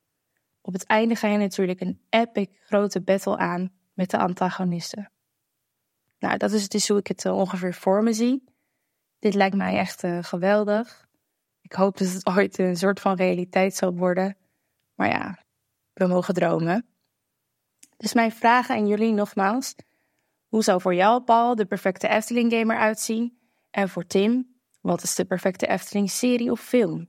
Nou, Jamie, ik denk dat ik het nog iets ambitieuzer ga aanpakken. Oh, nog ambitieuzer. Ja, luister. Want ik denk namelijk dat, eh, tenminste de games die ik het liefst speel... en waarvan ik denk dat ze ook eh, wel vrij goed bij de Efteling zouden passen... zijn eh, spellen waar je echt jezelf kunt verliezen in een wereld. En ik denk dat dat wel lastiger gaat als we heel veel werelden van de Efteling proberen te combineren. Dus in mijn concept zou ik gewoon gaan voor het pakken van één wereld binnen de Efteling. Laat het Droomvlucht zijn, laat het Fata Morgana zijn. En dat we in één van die werelden gewoon een game laten afspelen. Ook niet met dat we van buitenaf daar eh, inkomen. Dat we gewoon al iemand zijn die in die wereld leeft. Die we ook een beetje kunnen gaan leren kennen. Maar dat we vooral heel erg die wereld die de Efteling heeft geschapen, dat we die gaan uitdiepen. Door die gewoon te gaan ontdekken. Nou, dan mag de gameplay, mag dan, eh, dat maakt me eigenlijk nog niet eens heel veel uit. Mijn favoriete gameseries zijn ook onder andere, onder andere Horizon van uh, Guerrilla Games. Want die maken echt enorm vette games. En die zouden zeer geschikt zijn om dit te doen. Maar dan zou het een PlayStation exclusieve game zijn. En ik denk dat dat dan niet ideaal is eh, voor zoiets. Eh, maar Zelda is natuurlijk ook enorm tof. Maar ik denk dat dat, dat iets wat ja, een beetje binnen die kaders zit. Dus ergens tussen Zelda, Uncharted en Horizon. Misschien God of War of zo. Dat daar binnen vast wel iets te vinden is wat goed zou passen bij de Efteling. Misschien iets meer op karakter en sfeer gericht dan op actie en, en avontuur. Ik denk dat dat wel heel goed zou kunnen werken. Dat het ook mooi past in de lijn van wat de Efteling zelf wil doen. Gewoon stijlvol, smaakvol. En vooral met heel veel sfeer waar je zelf helemaal in kunt verliezen. Ik zie dat wel zitten. Ik zou hem bijna zelf gaan spelen. Ik denk dat jij wel zou moeten, Tim. Als er een game komt, een fatsoenlijke game met een Efteling labeltje erop. Je hebt echt niet door hoe weinig ik met games heb volgens mij. Je hebt echt niet door hoeveel je ermee zou kunnen hebben, Tim, als je jezelf ervoor openstelt. Als er 48 uur in een dag zou zitten, dan zou ik me daar zeker aan wagen, Paul. Dat is wel een geldig punt. Ja, voor jou is ook nog een vraag, Tim. De perfecte Efteling-serie of film?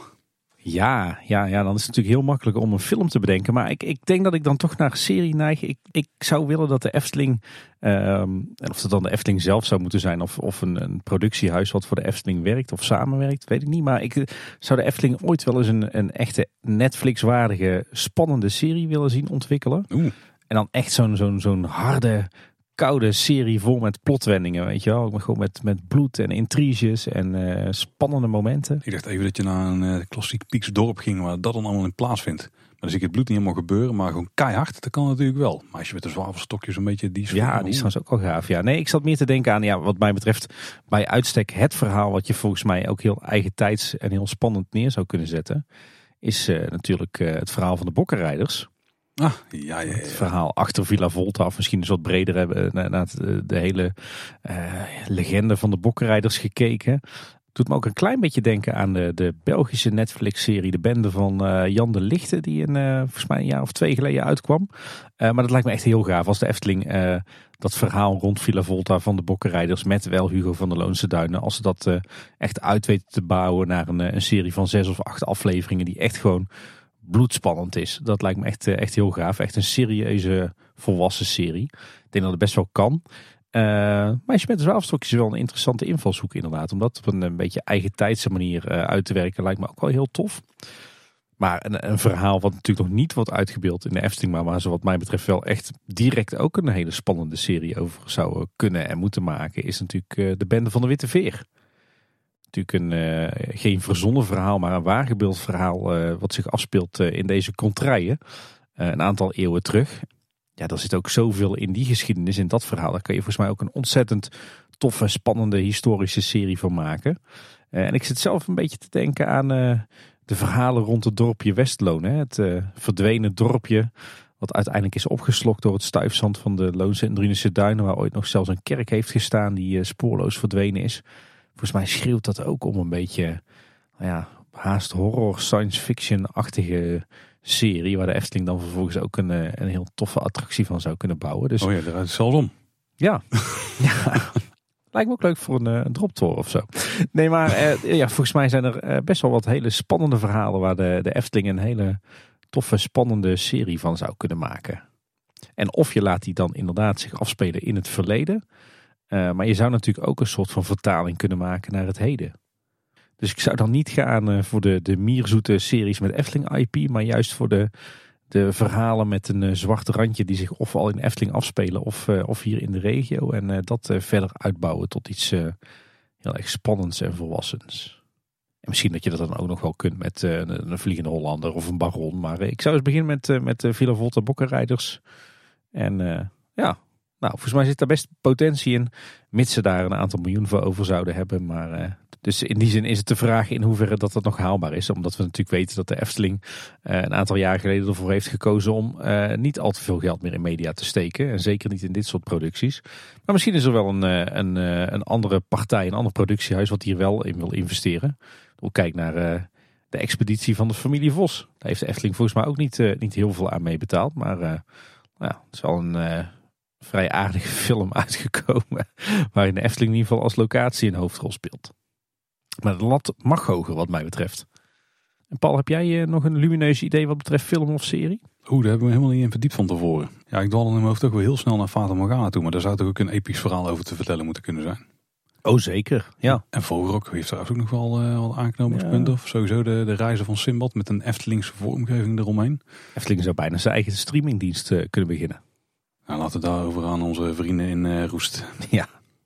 Ik kreeg ook een vraag van Martijn en die vraagt... Wat vinden jullie van de prijsverhoging van de Disneyland Parijs jaarkaart? Zou de Efteling met een dergelijk soort systeem bezig zijn als wat Disney nu introduceert... aangezien recentelijk dat onderzoek uit hebben gezet? Kunnen we bij de Efteling ook een prijsverhoging verwachten zoals bij Disneyland Parijs?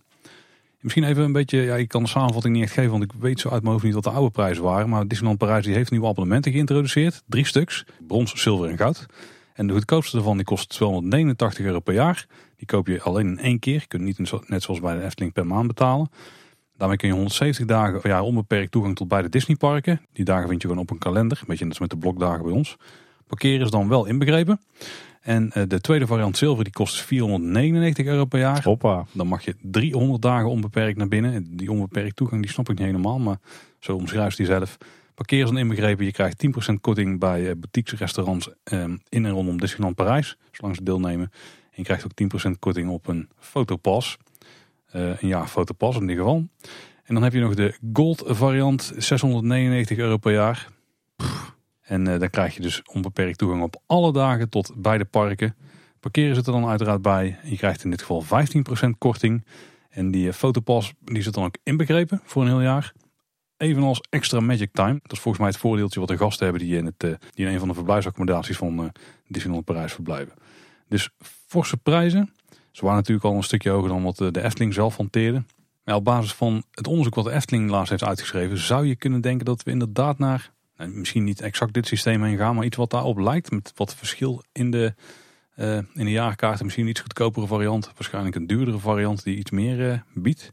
Nou ja, ik moet zeggen, eh, differentiatie in abonnementsvormen zou ik niet erg vinden. En dan een, eh, eh, laten we dan het huidige abonnementvoorwaarden gewoon als de basisvariant houden. En een iets duurdere variant waarmee je echt het hele jaar binnen mag. En een goedkopere variant waarmee je bijvoorbeeld alleen op doordeweekse dagen binnen mag. En ik zou het ook begrijpen als de Efteling een, kleine prijsverhoging doorvoert. Bijvoorbeeld om de inflatie van de laatste paar jaren te corrigeren. Maar ik mag toch hopen dat de Efteling niet zo'n bizarre prijsverhoging doorvoert als Disneyland Parijs nu doet. En ik verwacht dat eerlijk gezegd ook niet hoor. Want ja, als je mij vraagt wat vind je van de prijsverhoging van Disneyland Parijs. Voor zover dat relevant is wat ik daarvan vind. Dan heb ik toch wel een beetje het gevoel dat ze een klein beetje gebruik of misschien wel misbruik maken van eh, de loyaliteit van de abonnementhouder. Eh, als ik dat dan even vertaal naar de, de situatie hier. Stel dat de Efteling nu eh, zou kiezen voor een forse prijsverhoging. Kijk, tuurlijk kan je dan zeggen, joh, het is een keuze om een abonnement te kopen. Als je het te duur vindt, dan, nou, dan stop je er maar gewoon mee. Dat geldt natuurlijk in de basis wel zo, maar ja, er is ergens toch ook een afhankelijkheidsrelatie tussen eh, een bedrijf als een Efteling of Disneyland en, en zijn of haar abonnementhouders. Ik denk dat voor een heleboel mensen geldt dat, het, eh, dat de Efteling het wel heel erg bond zou moeten maken met de verhoging voordat ze besluiten om een abonnement op te zeggen. Ja, omdat ze toch gewoon een bepaald soort loyaliteit voelen naar het product. Een bepaald soort afhankelijkheid. Omdat ze de Efteling nodig hebben om even af te schakelen. Om rust te vinden. Om vertier te vinden. Of misschien wel omdat ze een relatief kleine beurs hebben. En eh, niet op vakantie kunnen. En zo'n Efteling abonnement gewoon voor relatief weinig geld. eh, gewoon op heel veel momenten in het jaar wel voor vertier kan zorgen. Dus ik denk als je gaat kijken naar, naar de, de, de, zeg maar de groep abonnementhouders van de Efteling. Dan, dan zit er echt een heel groot gedeelte tussen. Wat ja, gewoon heel erg gehecht is aan dat abonnement, wat er ook afhankelijk van is. En die zou je dan ineens allemaal op fors hogere kosten eh, jagen. Dus ja, vandaar mijn, eh, mijn uitspraak dat ik dat toch een klein beetje misbruik van loyaliteit van eh, mensen vind. Die misschien lang niet allemaal een even grote beurs hebben. Ik zit nu nog eens even te kijken naar de prijs, want ik heb de autoprijzen ook gevonden. Die begonnen wel op 229 euro in plaats van 289 euro. En die eindigde toen dus bij de allerduurste abonnement met iets meer korting in de oude situatie. 499 euro en nu is dat 699 euro. Maar die goedkoopste variant die is er eigenlijk gunstiger op geworden. Eh, je betaalt wel 60 euro meer, maar als je parkeren inbegrepen wil hebben voorheen, dan was het ook 60 euro extra. Dus dan zit je aan dezelfde prijs, maar daarvoor mag je wel 20 dagen meer binnen in het jaar. Dus op zich is daar misschien nog wel, is nog wel een betere pas dan dat je voorheen had. Zolang je parkeren nodig hebt in ieder geval, dus niet in de buurt woont. Al is het wel echt een pas voor locals. Het is vooral in de stappen daarna dat het flink duurder is geworden. Want wat voorheen dan de, uitgebreidste pas was voor 499 euro, dat is nu eigenlijk eh, de, middelpa, de middenpas geworden. En die duurste pas duurder geworden met dus wat minder goede voorwaarden. Uiteindelijk wat jij zegt, Tim, wij hebben er weinig van te vinden. Ja, Disneyland vindt dat ze dit kunnen vragen. Dus ja, dan doen ze het. Kijk, puur, puur financieel eh, snap ik het punt wel. Hè. En eh, ze willen eh, wat minder eh, abonnementhouders. En eh, met die abonnementhouders die dan toch per se willen komen, halen ze gewoon een smak meer omzet binnen. Dus puur commercieel gezien begrijpelijk. Maar ik zie dit de Efteling denk ik nooit doen. Ik zie de Efteling geen forse prijsverhoging doorvoeren. Als je ziet hoe ze iedere keer hameren op de toegankelijkheid van de Efteling. En ze willen absoluut niet geassocieerd worden met, met winstbejag. Ze weten hoe loyaal hun trouwe abonnementhouders basis is. Dan denk ik niet dat ze, dat ze mensen op zulke enorme kosten gaan jagen. Kijk, een, eh, een prijsverhoging met, met de inflatie en een, eh, en een eurotje of twee meer per maand, snap ik. Maar eh, nee, ik, ik hoop niet dat Efteling op, op een dergelijke forse manier de prijzen gaat verhogen. Maar ik verwacht het ook niet. Nou ja, volgens mij is het een beetje een herhaling van wat we voorheen hebben gemeld. Wat ik zie gebeuren is een beetje wat jij beschrijft in het, in het midden. Ervan uitgaan dat we bijvoorbeeld drie varianten krijgen. Zou er eentje midden komen. Dat is de huidige vrijwel vergelijkbare voorwaarden, maar wordt gewoon iets duurder. Want ja, de, de tijden die, ja. uh, die vereisen daar bijna gewoon. Zou 20 tot 30 euro per jaar helemaal niet gek zijn, denk ik. Uh, en ik denk dat ze dan juist een goedkopere variant zouden willen bieden. Die er een beetje voor kan zorgen dat uh, de mensen die in de buurt wonen, dat die door de week wat makkelijker naar het park zouden gaan. Dus gewoon een goedkopere variant, die kunt dan door de week bezoeken. Dus die is dan meer gefocust op uh, ook weer het verspreiden van de mensen die komen. En misschien dat je dan nog steeds wel tickets kunt kopen voor twee keer per jaar. Zodat je voor de helft van de prijs, net zoals nu met je vriendenticket, wel een keer een weekenddag kunt gaan. Want dan betaal je gewoon een beetje extra, dan is dat een keuze. Dus dat denk ik best wel een aardige deal zijn voor de omgeving. Je verkoopt er geen tienduizenden van. Maar voor de, nou, misschien 5 tot 10.000 die je wel verkoopt, uh, heb je in ieder geval verspreiding van je gasten wat meer. En aan de andere kant kun je dus wel zorgen dat je daar iets meer omzet kunt halen uit een duurdere variant, waarbij je dus vaker naar binnen mag. Die zou dan wel echt flink veel duurder zijn. En waar je misschien ook iets meer voordelen bij haalt. Ik denk dat je dan niemand uh, buitenspel zet. En dat je juist wat meer mogelijkheden creëert voor de mensen die uit de buurt komen of die een kleinere beurs hebben, maar wel de tijd hebben om te komen. En aan de andere kant kun je nog steeds meer geld binnenhalen bij de mensen die het, uh, die het er gewoon voor over hebben. Omdat het misschien een van de belangrijkste dingen is die, die ze in hun leven hebben. Ik denk dat dat een beetje de beste variant is waarop we kunnen hopen als er wat diversificering komt. Ja, ja, en ik denk dat de Efteling de laatste jaren zo bovenop dat, dat sociale en dat toegankelijke zit dat ze echt niet voor een grote forse prijsstijging gaan. Tenminste niet voor de basisabonnementen. Tim, we gaan naar een voice clipje door en deze is van Erik Meulemans. Hey Paul en Tim, ik heb zoals steeds weer met veel plezier naar jullie laatste afleveringen geluisterd. Ik wou nog eventjes terugkomen op het interview met Paul Beck. Hij zei erin op een bepaald moment dat hij was weggegaan bij de Efteling omdat zijn opdracht klaar was. Hij zei, ik ben goed in bouwen of het opbouwen van de organisatie, maar het was tijd uh, voor iemand anders om daarna te consolideren. Dus dat werd Ronald van der Zijl. Na Ronald van der Zijl kwam Bart de Boer, die denk ik toch weer meer uh, gaan investeren is. Die dan weer opgevolgd werd door uh, Fons Jurgens, die denk ik in het begin toch initieel moest opnieuw consolideren. Ik denk dat het misschien wel interessant kan zijn om eens dieper in het lijstje directeuren te duiken en te kijken wat voor typen ze juist waren. Maar voor nu kom ik tot de volgende vraag. Um, vinden jullie ook dat het goed is, of een goed idee is, dat om de zoveel tijd uh, er een nieuwe directeur komt? Een beetje voor het type, voor de fase waarin het park zit op dat moment.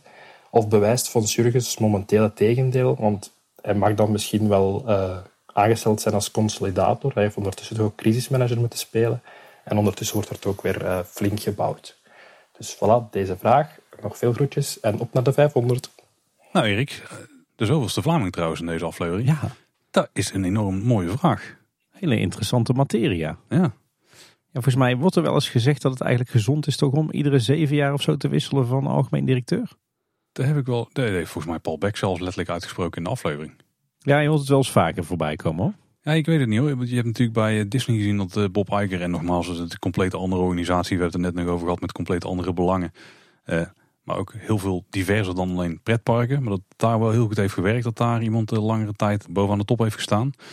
Uh, bij de Efteling ligt het misschien wat anders. Maar ja, ik, ik denk dat, dat het gewoon aan de tijd ligt waarin het zich allemaal plaatsvindt. Het kan goed zijn dat als de coronacrisis er niet was geweest. En Fons inderdaad geen crisismanager had hoeven spelen. Dat het misschien al wat eerder uh, klaar was geweest voor in zijn rol als directeur. Wat natuurlijk wel zo is, is dat Fons wel iemand is die echt gewoon Efteling bloed in zijn aderen heeft stromen. En dat is wel anders dan wat, wat wij heel veel andere directeuren voorheen hebben gezien. Ja. Fons is echt gewoon door de organisatie gegroeid tot de plek waar hij nu is. En uh, ik zie Fons niet iemand zijn die dan weggaat bij de Efteling om ergens anders weer een uitdaging op te pikken, zeg maar. Nee, ik, ik zie Fons ook niet snel weggaan. En ik, eh, voor mij hoeft het ook zeker niet. Niet dat we er wat over te zeggen hebben. Maar ik denk dat, dat, dat eigenlijk een, een directeur die wat langer zit, die ook intern is doorgegroeid, ik denk dat het wel past bij een bedrijf als de Efteling. Zeker eh, de Efteling van nu. Het is toch een, een relatief conservatief bedrijf qua eh, investeringen. Alles draait om die continuïteit. Alles draait om het maatschappelijk ondernemen, om het werkgeverschap. Daar past eigenlijk wel gewoon een, een stabiele directeur bij die wat, eh, die wat langer aan het roer staat. Dat, het voelt daardoor toch een beetje als, bijna als een soort familiebedrijf. Hè? Ja.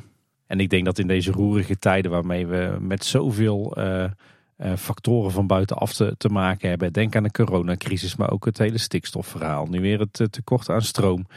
Ik denk dat het op zo'n moment ook niet per se goed is om maar weer te wisselen van directeur. Zeker niet als je dan een, een hotshot van buitenaf binnenhaalt. Die misschien wel heel veel verstand heeft van ondernemen, maar die geen gevoel heeft bij de Efteling-organisatie.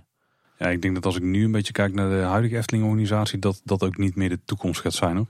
Ik denk dat ze juist heel erg gaan inzetten op eh, mensen die eh, van binnenaf opgroeien naar de plek dat ze de Efteling zouden, dat ze daar de algemeen directeur zouden kunnen zijn. Ja, jij noemde het al Efteling bloed in de aderen. Hè. Binnen het bedrijf gaat het altijd over eh, eens een Eftelinger, altijd een Eftelinger. Ik denk dat het heel goed is als, als echte Eftelingers ook de directieposten bezetten.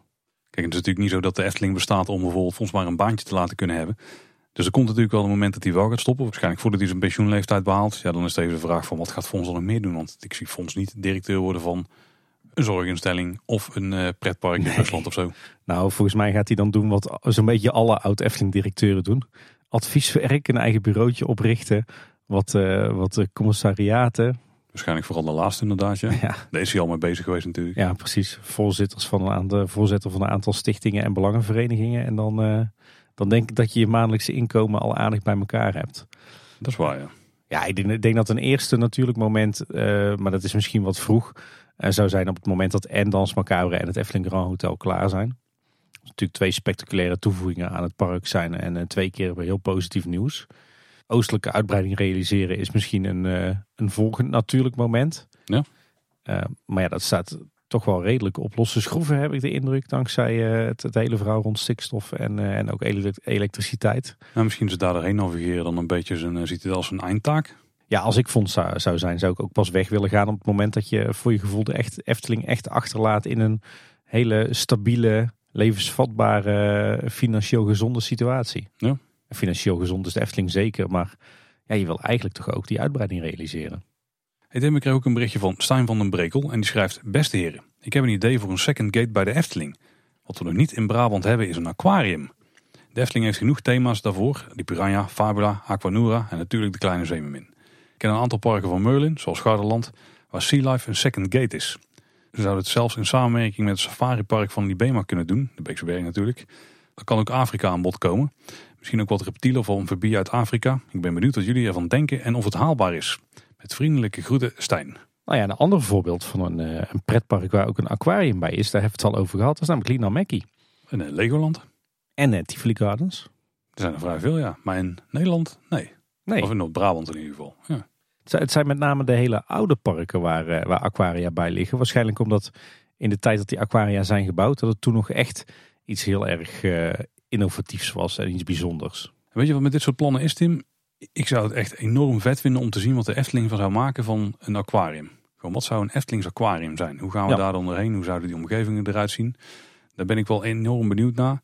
En of ik zelf als een hele solide second gate zou zien, ik denk het toch niet. Nee. Iets te eendimensionaal. Of je zou het heel moeten optuigen met, eh, met attracties of ervaring of zo. Maar dan, dan zou het aquarium een stukje weer een beetje ja, tweede viool gaan spelen. Nee, ik denk, ik denk niet dat een aquarium een geschikte second gate is voor de Efteling. Ik denk dat het te weinig aantrekkingskracht heeft. Waar ik misschien ook te groot voor. Ja, kijk, weet je wat is? Je, je hebt best wel wat mooie aquaria op de wereld. Ik bezoek ze ook altijd graag, maar eh, het zijn dan of aquaria die onderdeel uitmaken van een dierentuin, vaak een stadsdierentuin. Nou, die werken heel goed, want ja, de mensen die naar een dierentuin gaan, zijn ook de mensen die graag een aquarium bezoeken. Eh, je hebt ook wel wat aquaria aan de kust, die zijn over het algemeen wat minder succesvol. En je hebt ook wel stand-alone aquaria, maar echt mooie, succesvolle stand-alone aquaria, die zijn echt ja, best zeldzaam. Ik moet dan gelijk denken aan de Blauw Planet in, eh, in Kopenhagen. Of het aquarium van Lissabon. Eh, echt wel twee toppers wat mij betreft. In Wenen heb je natuurlijk ook een heel erg gaaf aquarium. Maar dat zijn echt, echt hoofdsteden, echt metropolen. En we hebben het hier over Kaatsheuvel. Maar nee, ik denk eerlijk gezegd dat, dat de gemiddelde Efteling-bezoeker echt niet zijn verblijf aan de wereld van Efteling gaat verlengen om ook nog eens een, eh, een aquarium te bezoeken. Dat verwacht ik dan eerder inderdaad bij een, eh, in het Beekse Bergen Resort. Hè, waar ze natuurlijk steeds meer inzetten op verblijfsaccommodatie. En eh, die natuurlijk ook een eh, uitdaging hebben om mensen langer vast te houden binnen het eigen resort. Ik denk dat daar zo'n aquarium best zou kunnen werken. Ja, ja. Nou, uiteindelijk komt een aquarium gewoon het best tot zijn recht, denk ik, in een, in een oude stadsdierentuin. Maar nee, Efteling en aquarium is wat mij betreft geen goede match. Ik kreeg ook een mailtje van Bas en die schrijft... Ha, Paul en Tim, net als jullie ben ik erg blij met het onlangs ingevoerde rookverbod in de Efteling. Maar wat me opvalt is dat het in het park zelf... op een omroepbericht en een bord bij het Huis van de Vijf Zintuigen na... nergens wordt aangegeven. Er wordt in mijn beleving dan ook nog best veel gerookt buiten de rookzones... en dan vooral op terrassen. Je ziet personeel er ook eigenlijk niet echt meer op handhaven. Wat jullie ervaring, mening? Moet Efteling strenger zijn of duidelijker aangeven dat er een rookverbod is? Groetjes, Bas. Ja, Bas, je, hebt daar misschien wel een punt. Voor mijn gevoel, inderdaad, vooral eh, tijdens de reis vanuit je, je auto naar eh, de ingang van het park, wordt daar vooral duidelijk gemaakt eh, dat, dat er een rookverbod is. met het omroepbericht, met de, de schermen, maar ook natuurlijk met de plattegrondjes die worden uitgedeeld. Ja, moeten we in het park dan overal ook bordjes verboden te roken hebben? Ik ben niet zo'n fan van overal bordjes toevoegen eigenlijk. Nee, nou, vooral niet als ze in een sandwichvorm komen. nee. Nou ja, überhaupt eh, denk ik niet dat het er fraaier van wordt door eh, op allerlei plekken in het park eh, bordjes eh, rookverbod eh, Ja, neer te zetten. Vooral voor bosbordjes. Ja. Kijk, idealiteit gezien, en dat is ook wat ze proberen denk ik, is het, het roken probeer je gewoon buiten de deur te houden. Daar probeer je erin op te leiden. En zodra je dan in het park komt, dan zou het gewoon duidelijk moeten zijn. De enige plekken waar je moet roken zijn, op, zijn de daarvoor aangewezen plekken. En anders word je daarop aangesproken.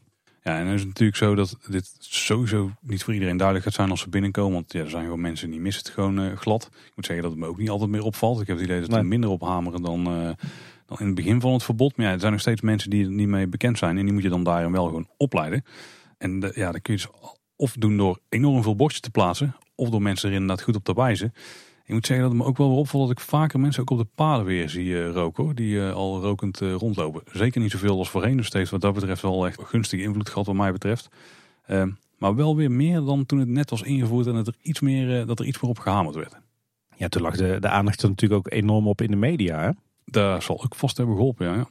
Ja, ik denk dat het een kwestie is van gewenning en inderdaad mensen aanspreken op het, het rookverbod als ze toch ergens roken waar het niet de bedoeling is. Ehm, toevallig, dat ik, ik was van de week in de Efteling en eh, voor me liep een beveiliger en die sprak inderdaad iemand aan die eh, op een bankje zat te roken. En dat eh, ging gewoon heel netjes en correct.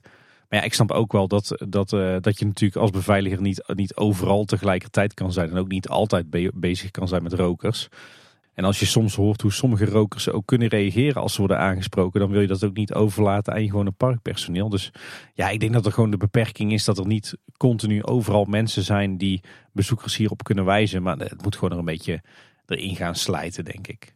Ja, en wat ik me ook besef is dat een aantal van de mensen die ik heb zien roken niet Nederlands waren. Dus er zijn natuurlijk in deze periode vrij veel gasten uit Duitsland en Frankrijk. En eh, nou, daar zitten nogal verstokte rokers. Waar je ook, ook nog op veel meer plekken in het openbare leven gewoon mag roken. Nou, dus misschien dat daar ook wel in zit dat het iets meer zien de afgelopen maanden.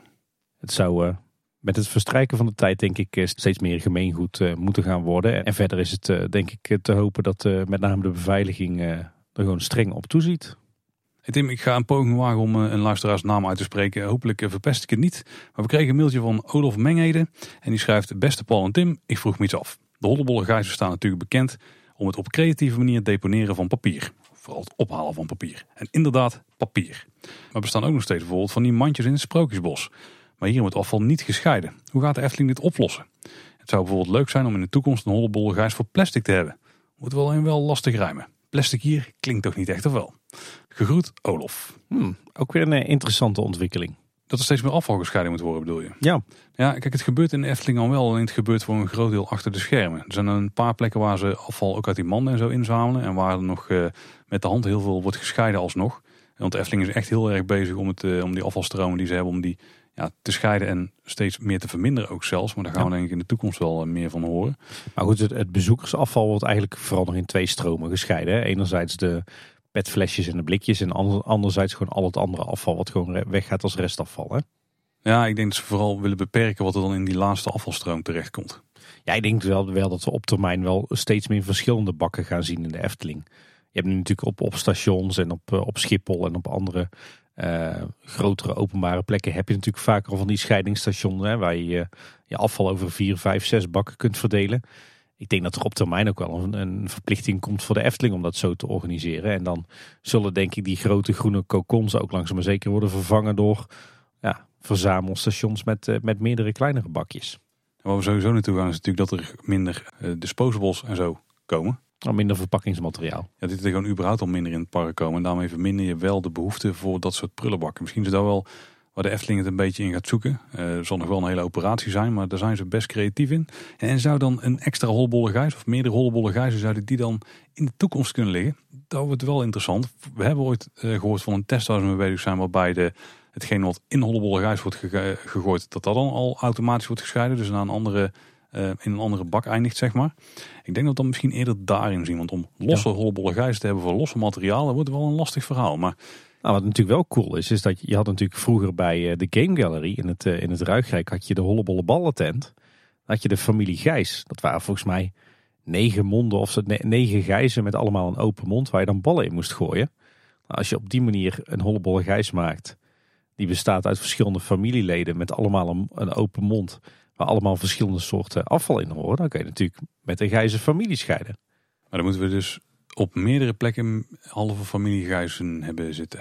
Dat wel... Zomaar een ideetje. Dus er zou bijna een half attractietje uit kunnen komen, zeg maar. Hè? Dat je een, het, het afvalscheidplein krijgt. Dat mag dan een iets chicere naam hebben. En dan kun je daar gewoon eh, in, een, in een mooie omgeving je, afval op verschillende plekken deponeren. Nog steeds heb je het probleem. Hoe ga je garanderen dat het juiste stuk afval in, het juiste, eh, in de juiste mond belandt? Ja, als, je dit, als je trouwens midden in de aflevering invalt, dan zijn het hele vreemde eh, gesprekken. en dat kan ook best wel weer zo'n succes worden. Net als gewoon de klassieke holbolgijs die nu er voor het eerst was. Ja, misschien is dat juist eerder wel een kans dan een beperking. Tim, ze moeten gewoon een game gallery spelletje maken waar je eigen afval gewoon gratis kunt deponeren in die monden. En dan word je gerankt op hoe goed je je afval eh, zelf al gescheiden in de mond hebt gegooid. Je moet even bepaalde sensoren en zo en analyseer eh, machine learning eh, trucjes uithalen. Dat komt helemaal goed. Ik, ik probeer dat op mijn werk ook altijd. Dan eh, kom ik aan het eind van de dag kom ik bij die prullenbakjes op een rij. En dan probeer ik zo van een afstandje alles in de juiste bak te gooien. Ben je een beetje goed in, of niet? Nee. Oh, dus, dus daarvoor is het een soort mini-vuilnisbelt nadat jij klaar bent met scheiden. Groot succes hoor ik wel. Laat eh, de baas maar niet horen.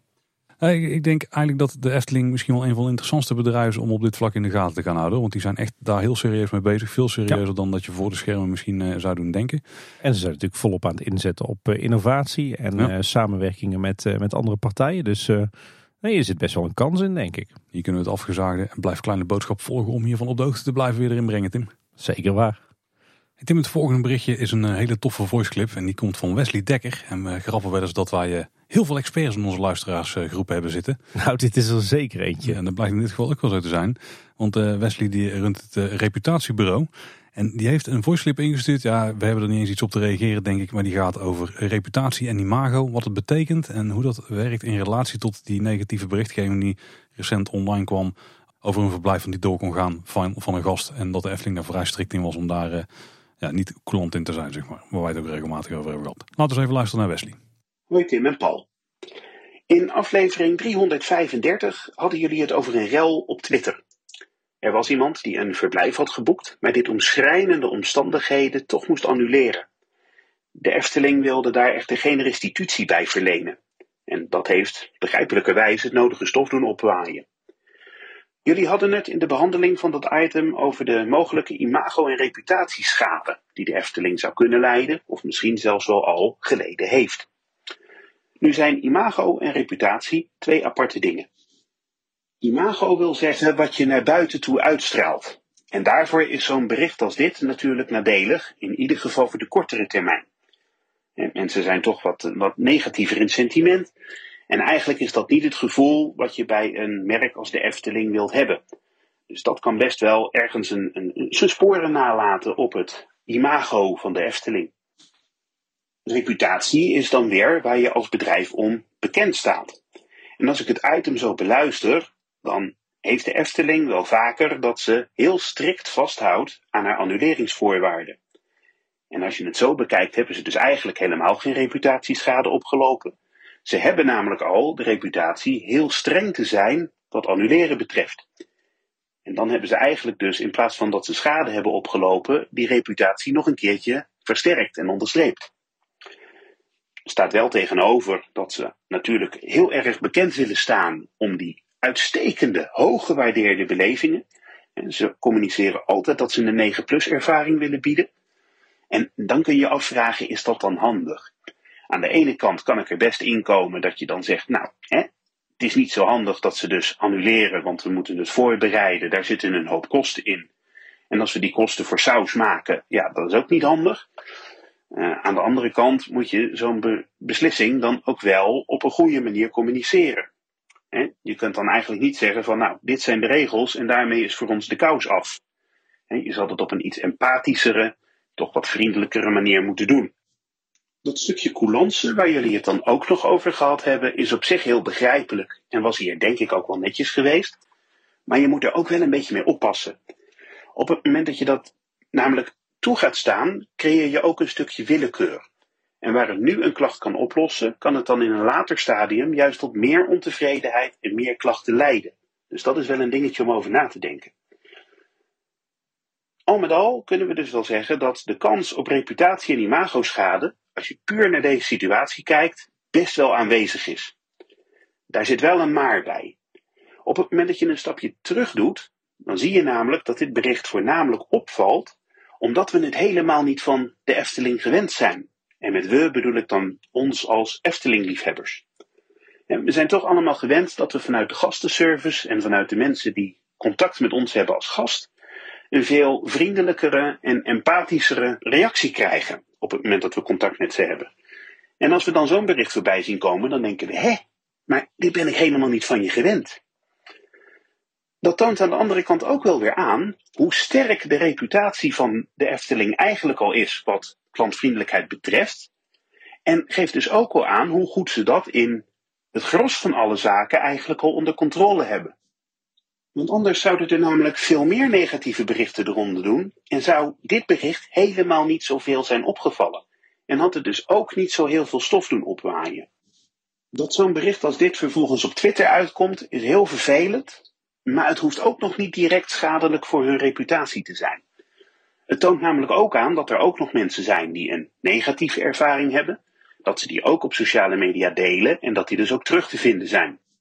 En dus ook dat ze niet de negatieve berichten hebben weggepoetst om een positief imago over te houden. aan de ene kant laat je dus zien van, nou ja, gut, er zijn heel veel mensen tevreden. En hier hebben we nog een clubje mensen dat toch minder tevreden is. En dat maakt al die positieve reacties eigenlijk nog een stukje sterker. In dat opzicht zou je dus ook kunnen zeggen dat een negatief bericht eigenlijk nog wel goed is voor de reputatie van de Efteling.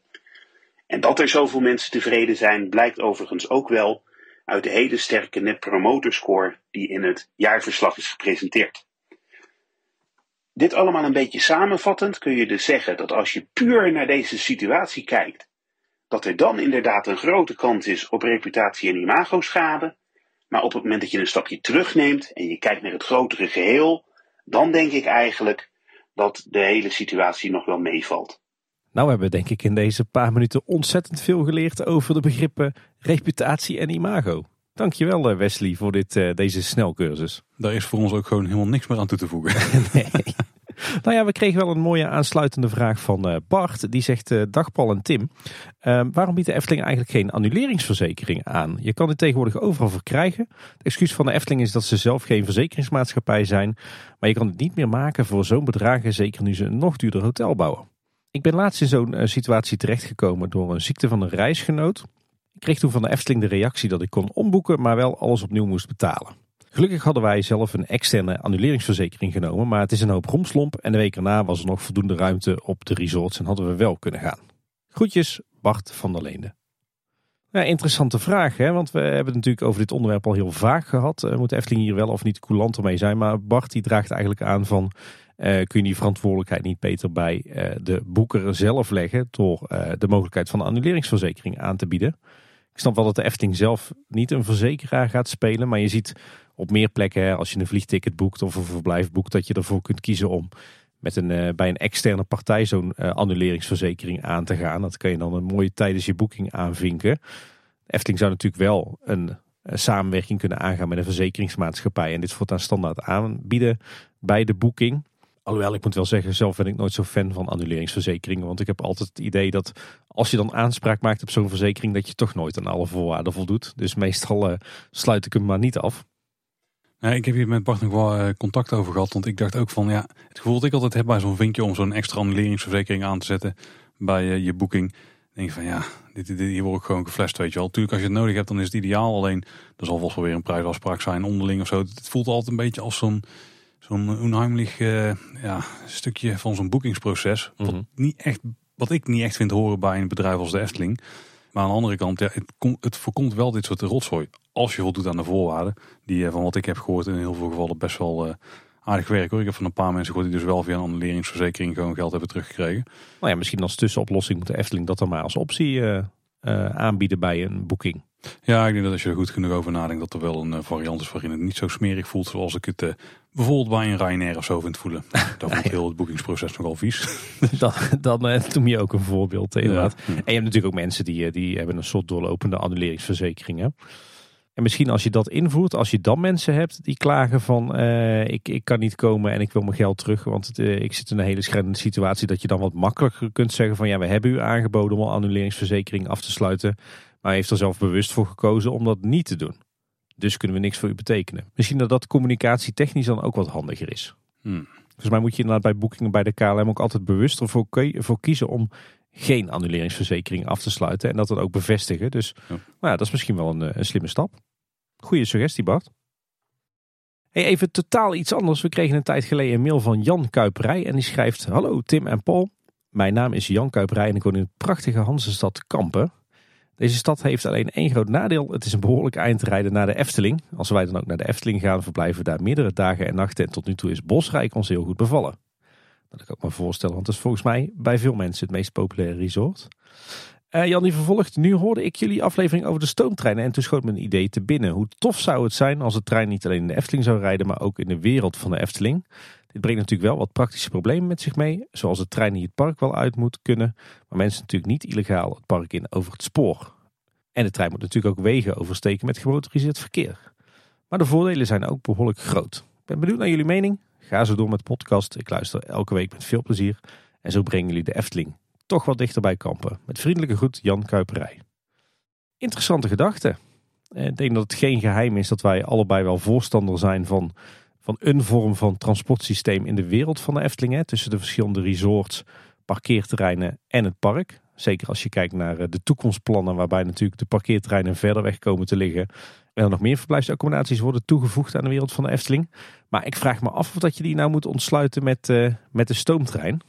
Want volgens mij zijn er dan inderdaad best wel wat, eh, wat bezwaren. Jan, je noemt er zelf al wel een aantal. Maar je zit er natuurlijk ook mee dat, dat de stikstofuitstoot van de stoomtreinen momenteel best wel een uitdaging is. Dus ja, als je eh, de trein grotere rondes gaat laten rijden, misschien wel meer treinen, eh, zit je ook weer met meer uitstoot. De capaciteit van de stoomtrein is natuurlijk ook heel laag. En of het nou handig is om in één rit zowel door het park als door de resorts te rijden, weet ik ook niet. Ja, ik denk dat jij dus heel erg voor een eh, elektrische tram zou zijn bijvoorbeeld. Ja, nou in ieder geval voor een los transportsysteem door de wereld van de Efteling. Die uiteindelijk eh, stopt bij de hoofdingang. Of in ieder geval ergens in de buurt van de hoofdingang. Maar die, eh, maar die wel gewoon los staat van het stoomtreintraject van de Efteling. En die gewoon zijn eigen rondje rijdt langs de verschillende parken en, en parkeerterreinen. En dat kan dan inderdaad een elektrische tram zijn. Maar ja, nu rijden ze natuurlijk met, met elektrische bussen rond. Je kan ook denken aan een transportsysteem over het water. Daar zijn natuurlijk allerlei dingen voor te verzinnen. Eh, en voor de komende jaren waarschijnlijk ook wel nieuwe vormen van vervoer eh, uitgevonden. Maar inderdaad, als je, als je nu aan mij vraagt op basis van de huidige vormen van vervoer, wat zou dan het best passen bij eh, deze situatie, bij eh, een capaciteit die je nodig hebt, bij een sfeertje, dan denk ik dat inderdaad een nostalgisch trammetje eh, het beste zou passen. Maar goed, daar staat ook een flinke investering tegenover natuurlijk. Dat geldt voor veel van die transportvormen natuurlijk wel. Dus de boot en zo ook. En dan moet je ook water hebben waar je dan Ja. overheen kunt. Ook niet onbelangrijk. Nou, uiteindelijk denk ik dat gewoon elektrische busjes, of als de volumes groter worden, elektrische bussen, dat die uiteindelijk onderaan de streep het meest efficiënte, kostenefficiënt zijn. Ook al zijn ze misschien thematisch niet het allermooiste. Nou ja, met bussen zou nog wel iets te doen zijn. Met die busjes natuurlijk niet, want die komen gewoon zoals ze zijn. Maar ik denk, ik denk zelf wel vooral een trammetje zie, omdat het eh, vrij... ehm, het is qua instap vrij gunstig en zo. Je kunt perronnetjes maken waar je in en uit kunt stappen, wat een stuk handiger is dan met de bussen. Eh, en je kunt daarin staan en zitten. Dus vooral daar is capaciteit technisch wel interessant. En ze rijden een stuk soepeler dan de stoomtrein bijvoorbeeld. Wat ik echt ook zie als een attractie nu. En Ja. niet echt als een transportmiddel. Want er is het gewoon, eh, dat, duurt het gewoon net te lang voor om van A naar B te gaan. Tenminste, zodra je erin zit en je gaat richting B, dan ben je er vrij vlot. Maar eer dat je erin zit na het wachten en zo. Nee, of je moet super veel geluk hebben, maar dat- daar werkt het gewoon niet zo lekker voor. En met zo'n trammetje zou daar ideaal gaan, denk ik. Plus je kunt zo'n tram ook opdelen op hoogte laten rijden. Waardoor je dus het eh, probleem met kruisend verkeer zo kwijt bent. Wat dan ook wel daarvoor eh, spreekt. Dan heb je de Elevated Tramway, wat natuurlijk ook eh, prachtig past binnen het, eh, het retrofuturisme. Absoluut. Ik ben er helemaal voor, in ieder geval. Maar er zijn inderdaad meerdere varianten. Maar een trammetje zie ik het zelf eh, dan meer in. En er ligt ook nog vrij dicht bij het treinidee wat eh, Jan dan oppert. Alleen zeker niet combineren inderdaad. Nee, nee, nee. nee. Wordt ook vrij ingewikkeld met eh, kaartcontrole en dat soort dingen. Ja. Als laatste nog een berichtje van Marieke. Die schrijft ha Tim en Paul. In eerdere afleveringen hoorde ik regelmatig dat met name Tim groot fan is van het verhaal van de bende van de Witte Veer. Hij kwam alweer langs deze aflevering hè? Het is bijna een bingo item. Ja. Nu wil het geval dat ik naast mijn hobby escape rooms ook aan geocachen doe. En in de buurt van Kaatsheuvel ligt een geocache multi met als thema de bende van de Witte Veer. Zijn we jou al kwijt Tim of eh, je weet nog wel het over gaat? Nee, ik heb, ik heb zelfs, nou, ik heb niet ge, ge, geocached of gegeocached. Ik weet even niet hoe je het uit moet spreken. Maar ik heb wel zo'n, ik heb ze nog echt zo'n ouderwets GPS-apparaatje. En wij hebben wel GPS-routes gelopen in het verleden. Nou, dan kan je dit wel bekoren. Eh Marieke vervolgt, zie het als een soort puzzelwandeling die erg leuk is met kinderen. Mits in dit geval 6,5 kilometer kunnen wandelen. Ik gok zomaar dat je er wel een middagje mee zoet bent. Want je bent niet continu aan het lopen natuurlijk. Er is in dit geval één nadeel. Deze specifieke cache is alleen beschikbaar voor premium members. Want als je die, die geocache app hebt, dan kan, die kan iedereen gewoon downloaden. Kun je ook gewoon eh, wat caches zoeken. Met zo'n premium abonnement heb je de beschikking over meer en vaak mooiere caches. Die kosten ongeveer zo'n 30, 35 euro per jaar, schrijf ze. Groetjes uit Rotterdam, Peter en Marieke. Nou, ik denk ik een eh, goede tip voor de mensen die van het eh, geocachen zijn. En die eens wat anders willen doen tijdens een verblijf hier in de regio, toch? Laat het nou zo zijn, Tim, dat wij wel zo'n premium abonnement hebben. Ik, ik wist dat, Paul. We hadden volgens mij toen we deze mail kregen, dat was eigenlijk het perfecte moment om het te behandelen. Toen hadden we exact 333 caches gevonden. En we zaten ook precies bij aflevering 333 in de opnames. Dus deze mail stond al een tijdje open. Sorry Marieke. maar dat was qua timing wel heel, eh, wel heel mooi. Ja. Maar we kunnen dus ook met beide gezinnen gaan lopen. Al is 6,5 kilometer misschien wel wat uitdagend. Is wat ambitieus, ja. Maar heb jij deze specifieke wandeling al wel eens gelopen, Paul? Of Nee, niet? nee, nee, nee, nee, nee, nee. Oh, nou dan moet, eh, moeten we die op het verlanglijstje zetten. Ja, die staat op de to-do-lijst nou natuurlijk. Ik heb hem volgens mij inmiddels wel gefavorite in de, de app. Dus hij staat paraat. Nou Paul, dan eh, sluiten we hiermee het eh, blokje reacties van luisteraars voor vandaag even af. We hebben er toch weer tien kunnen behandelen. We hebben nog een paar over voor eh, na de zomerperiode. Maar, maar er zaten weer hele gevarieerde, prikkelende vragen tussen. Dus dank aan alle luisteraars die een vraag hebben ingestuurd. En blijf dat vooral doen, hè, want je ziet het. We lossen altijd onze belofte in dat we er een keer op gaan antwoorden. Eh, is het niet in de aflevering, dan eh, sturen we altijd wel een, eh, een mailtje of een berichtje terug. Hey Paul, en dan zijn we aangekomen bij... eh, en dan nog dit. Tim, ik heb dit keer een tv-tip. Oh, Of in ieder geval een streamingdienst tip. Ja, de streamingdienst kan je misschien wel raden. Het is weer Apple TV+. Plus. Ik Ah. weet niet wat in doen, maar die, die krijgt voor elkaar om echt gigantisch veel fatsoenlijke series daarin te plaatsen. En de serie waar ik nu aan ben begonnen, die is volgens mij inmiddels al helemaal klaar. Die staat al helemaal op de dienst. Is Silo. Volgens mij een aflevering of 10, tweede seizoen is al aangekondigd. Het is een, eh, is het science fiction? Ja, het is science fiction, want het speelt zich af eh, zoals het lijkt in de verre toekomst. Niet al te veel spoilen. En eh, het begint gewoon bij een eh, samenleving die zichzelf helemaal heeft opgebouwd in een silo onder de grond. oh. Geen idee hoe het diameter van een paar honderd meter, denk ik, met op alle verdiepingen. Daar wonen mensen, maar daar werken ook mensen. Dus gewoon een hele community in zo'n ondergrondse silo. Die er om een reden is geplaatst, maar dat is niet helemaal duidelijk. En de mensen die erin wonen, die weten het ook niet helemaal. Dus daar gaat een beetje het mysterie van de serie ook over, zeg maar. Wat er dan buiten de, de silo is, daar, daar krijg je de eerste eh, aflevering al wel, eh, wel wat van mee en zo. En het is gewoon super interessant om die serie te volgen sowieso. Hij zit super goed in elkaar eh, qua verhaal en het acteerwerk is van hoog niveau. Het is gewoon het mee uitpluizen met die karakters in de serie. Om hoe het nou allemaal precies in elkaar steekt, dat is heel tof. En het is weer zo'n serie waarbij eigenlijk iedere aflevering wel eh, een, een, ja, zeg maar weer een nieuw stuk van die wereld zich ontvouwt. Waardoor je weer verder gaat nadenken van, oh, hoe, hoe, hoe verhoudt zich dat dan met de rest? En in dit geval is het zo'n serie, in tegenstelling tot bijvoorbeeld Lost, die er in het begin echt wel leek te hebben, maar uiteindelijk een beetje de, ja, het plot eh, lost eh, was. Zegt dat wel, ja. Dat het ook allemaal gewoon op elkaar lijkt aan te sluiten. En ik heb nog niet het hele seizoen gezien, maar ik heb wel inmiddels begrepen dat die heel sterk eindigt. Dus ik ben heel benieuwd hoe het verder gaat. Echt een aanrader.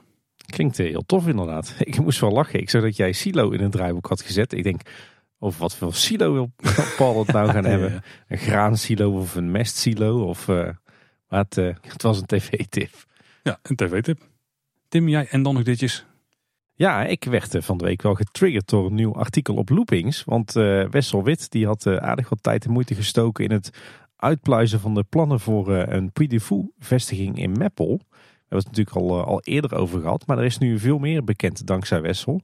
Sowieso over wat het nou allemaal een beetje moet gaan worden. Het zou gaan om een park wat maar 180 dagen per jaar open zou gaan. Dus echt een seizoenspark. Met een vakantiepark erbij en op termijn misschien ook een hotel. Er zouden natuurlijk shows komen waar Fou voor bekend staat. Met vuurwerk en dieren. Ze hebben het zelfs over 1500 dieren. Het park zou ergens tussen de 38 en de 53 hectare groot worden. Dus zeg maar een, een kleine Efteling. Eh, waarbij het totale resort 165 hectare eh, gaat zijn. Nou, dat is met eh, de, de grondverkoop van de Efteling van de laatste jaren... kom je dan toch aan een aardige wereld van de Efteling ook. Eh, en ze zetten nu in het begin in op 600.000 bezoekers... en moeten uiteindelijk doorgroeien naar 1,25 miljoen bezoekers. Dus ehm, nou, zeker geen concurrent van de Efteling. Een stuk kleinschaliger, ook minder lang open en natuurlijk eh, helemaal aan de andere kant van het land. Dus wat dat betreft hoeven we niet eh, bang te zijn voor die vestiging. Maar ik word er juist heel erg enthousiast van, want er is nu ook bekend geworden wat de thema's dan zouden gaan worden van dit park. Waar natuurlijk eh, shows rond eh, oorlogen en veldslagen en eh, belangrijke gebeurtenissen in onze geschiedenis centraal staan. En de thema's die ze zouden gaan behandelen zijn de 80-jarige oorlog, het Leidens ontzet, de Hollandse waterlinie, de Gouden Eeuw en de Franse tijd in Nederland. En dat lijkt me echt, nou dit, dit wordt volgens mij echt een droompark voor mij. Ik vond wel verrassend dat ze niks doen met de prehistorie, de Romeinse tijd en de middeleeuwen. Maar misschien dat ze dat dan te veel in dubbeling vinden met het Archeon of zo. Dat is de andere kant van het land, dus ik zou het gewoon doen. En misschien wat recentere thema's. Eh, een industriële revolutie, een Tweede Wereldoorlog, een watersnoodramp. Maar misschien durven ze zich daar nog niet aan eh, te branden. Of is dat iets voor eh, fase 2 of fase 3? Maar ik moet zeggen, ik werd wel heel erg enthousiast van deze plannen. Ja, ik ben natuurlijk eh, groot showfan, hè, dus het moet mijn droompark worden. kan je niet verleiden om hier dan een keer met mij mee te gaan naar Puy du Fou Nederland. Oh, ik denk dat dat absoluut nog wel kan. Oké. Maar dat is iets wat in de toekomst gaat komen, Tim. Nog eh, interessante zaken bezocht misschien recent. Ja, nou ja, dat is pas een week verstreken hè. Nou, ja, ja, dat is waar, ja. Maar ja, wel leuk. We, we houden niet alleen van pretparken en dierentuinen en musea, maar ook gewoon van lekker de natuur ingaan en eh, lange wandelingen maken. Soms met kinderen, maar deze keer een, eh, een dagje zonder kinderen. Die zaten lekker bij opa en oma. En we hebben deze keer de Grebbeberg verkend. Bij Renen, natuurlijk ook bekend van Ouwehans Dierenpark. Maar de Grebbeberg staat natuurlijk vooral bekend vanwege de geschiedenis van deze plek. Ik weet niet, Paul, of jij eh, scherp hebt eh, wat, eh, wat hier het verhaal rond is. Nee. De Grebbeberg was de plek waar het Nederlandse leger het langst stand hield tijdens de invasie van de Duitsers. Oh, oké. Hier werd het het langst gevochten. Maar het is een heel mooi natuurgebied. Het is echt een, een flinke heuvel, bebost. Met prachtig uitzicht op de omgeving, op de rivier, op, op de polders er rondomheen. En dus met een hele beladen geschiedenis, want er is daar flink gevochten. Maar er, ligt daar een, eh, er liggen daar een tweetal mooie wandelingen van iedere kilometer of vier, vijf. Dus we heerlijk gewandeld en eh, tussendoor nog lekker geluncht bij eh, een van de oude hotels aan de weg richting Ouwehans Dierenpark. Dus het is ook echt een, een omgeving die geschiedenis uitademt en prachtig groen is. En een van die wandelingen die voert trouwens langs het, het hek van Ouwehans Dierenpark. Dus we hebben zelfs nog een klein beetje dierentuin meegemaakt. Dus weer een hele toffe wandeling. En tot slot heb ik ook nog een kijktip. Niet op eh, Apple TV Plus, want dat hebben wij thuis allemaal niet. Maar eh, op Disney Plus deze keer. Vertel. De serie Sfurtusandar. Dat klinkt als iets wat uit Scandinavië komt. Ja, precies. Hij kwam, hij misschien een klein beetje te mediterraans uit. Maar nee, het is, het is IJslands. De serie die kun je trouwens gewoon vinden op de titel Black Sands. IJslandse serie. Ehm, ontzettend spannend, ontzettend hard. Ja, dit is echt een beetje een, eh, een politie-serie. Maar wel echt eh, heel gaaf eh, in elkaar gezet. Met diverse plot twists en een heel tof sfeertje en prachtige beelden. Maar vooral ja, echt een lekker harde serie. Dus wat mij betreft een absolute aanrader. We trouwens wel lachen net over Black Sands hebben. Ik weet niet of je hebt meegekregen, Paul. We hebben hier in de buurt van Efteling natuurlijk in de Loonse en Drunense Duinen een aantal recreatieparken zitten. Zo had je voorheen het, het, het genieten Maar dat heeft nu een nieuwe naam gekregen, namelijk eh, Sands heet dat. Of in ieder geval Oh, het, ja. het restaurant bij de, bij de speeltuin. En wij zaten daar laatst op het terras.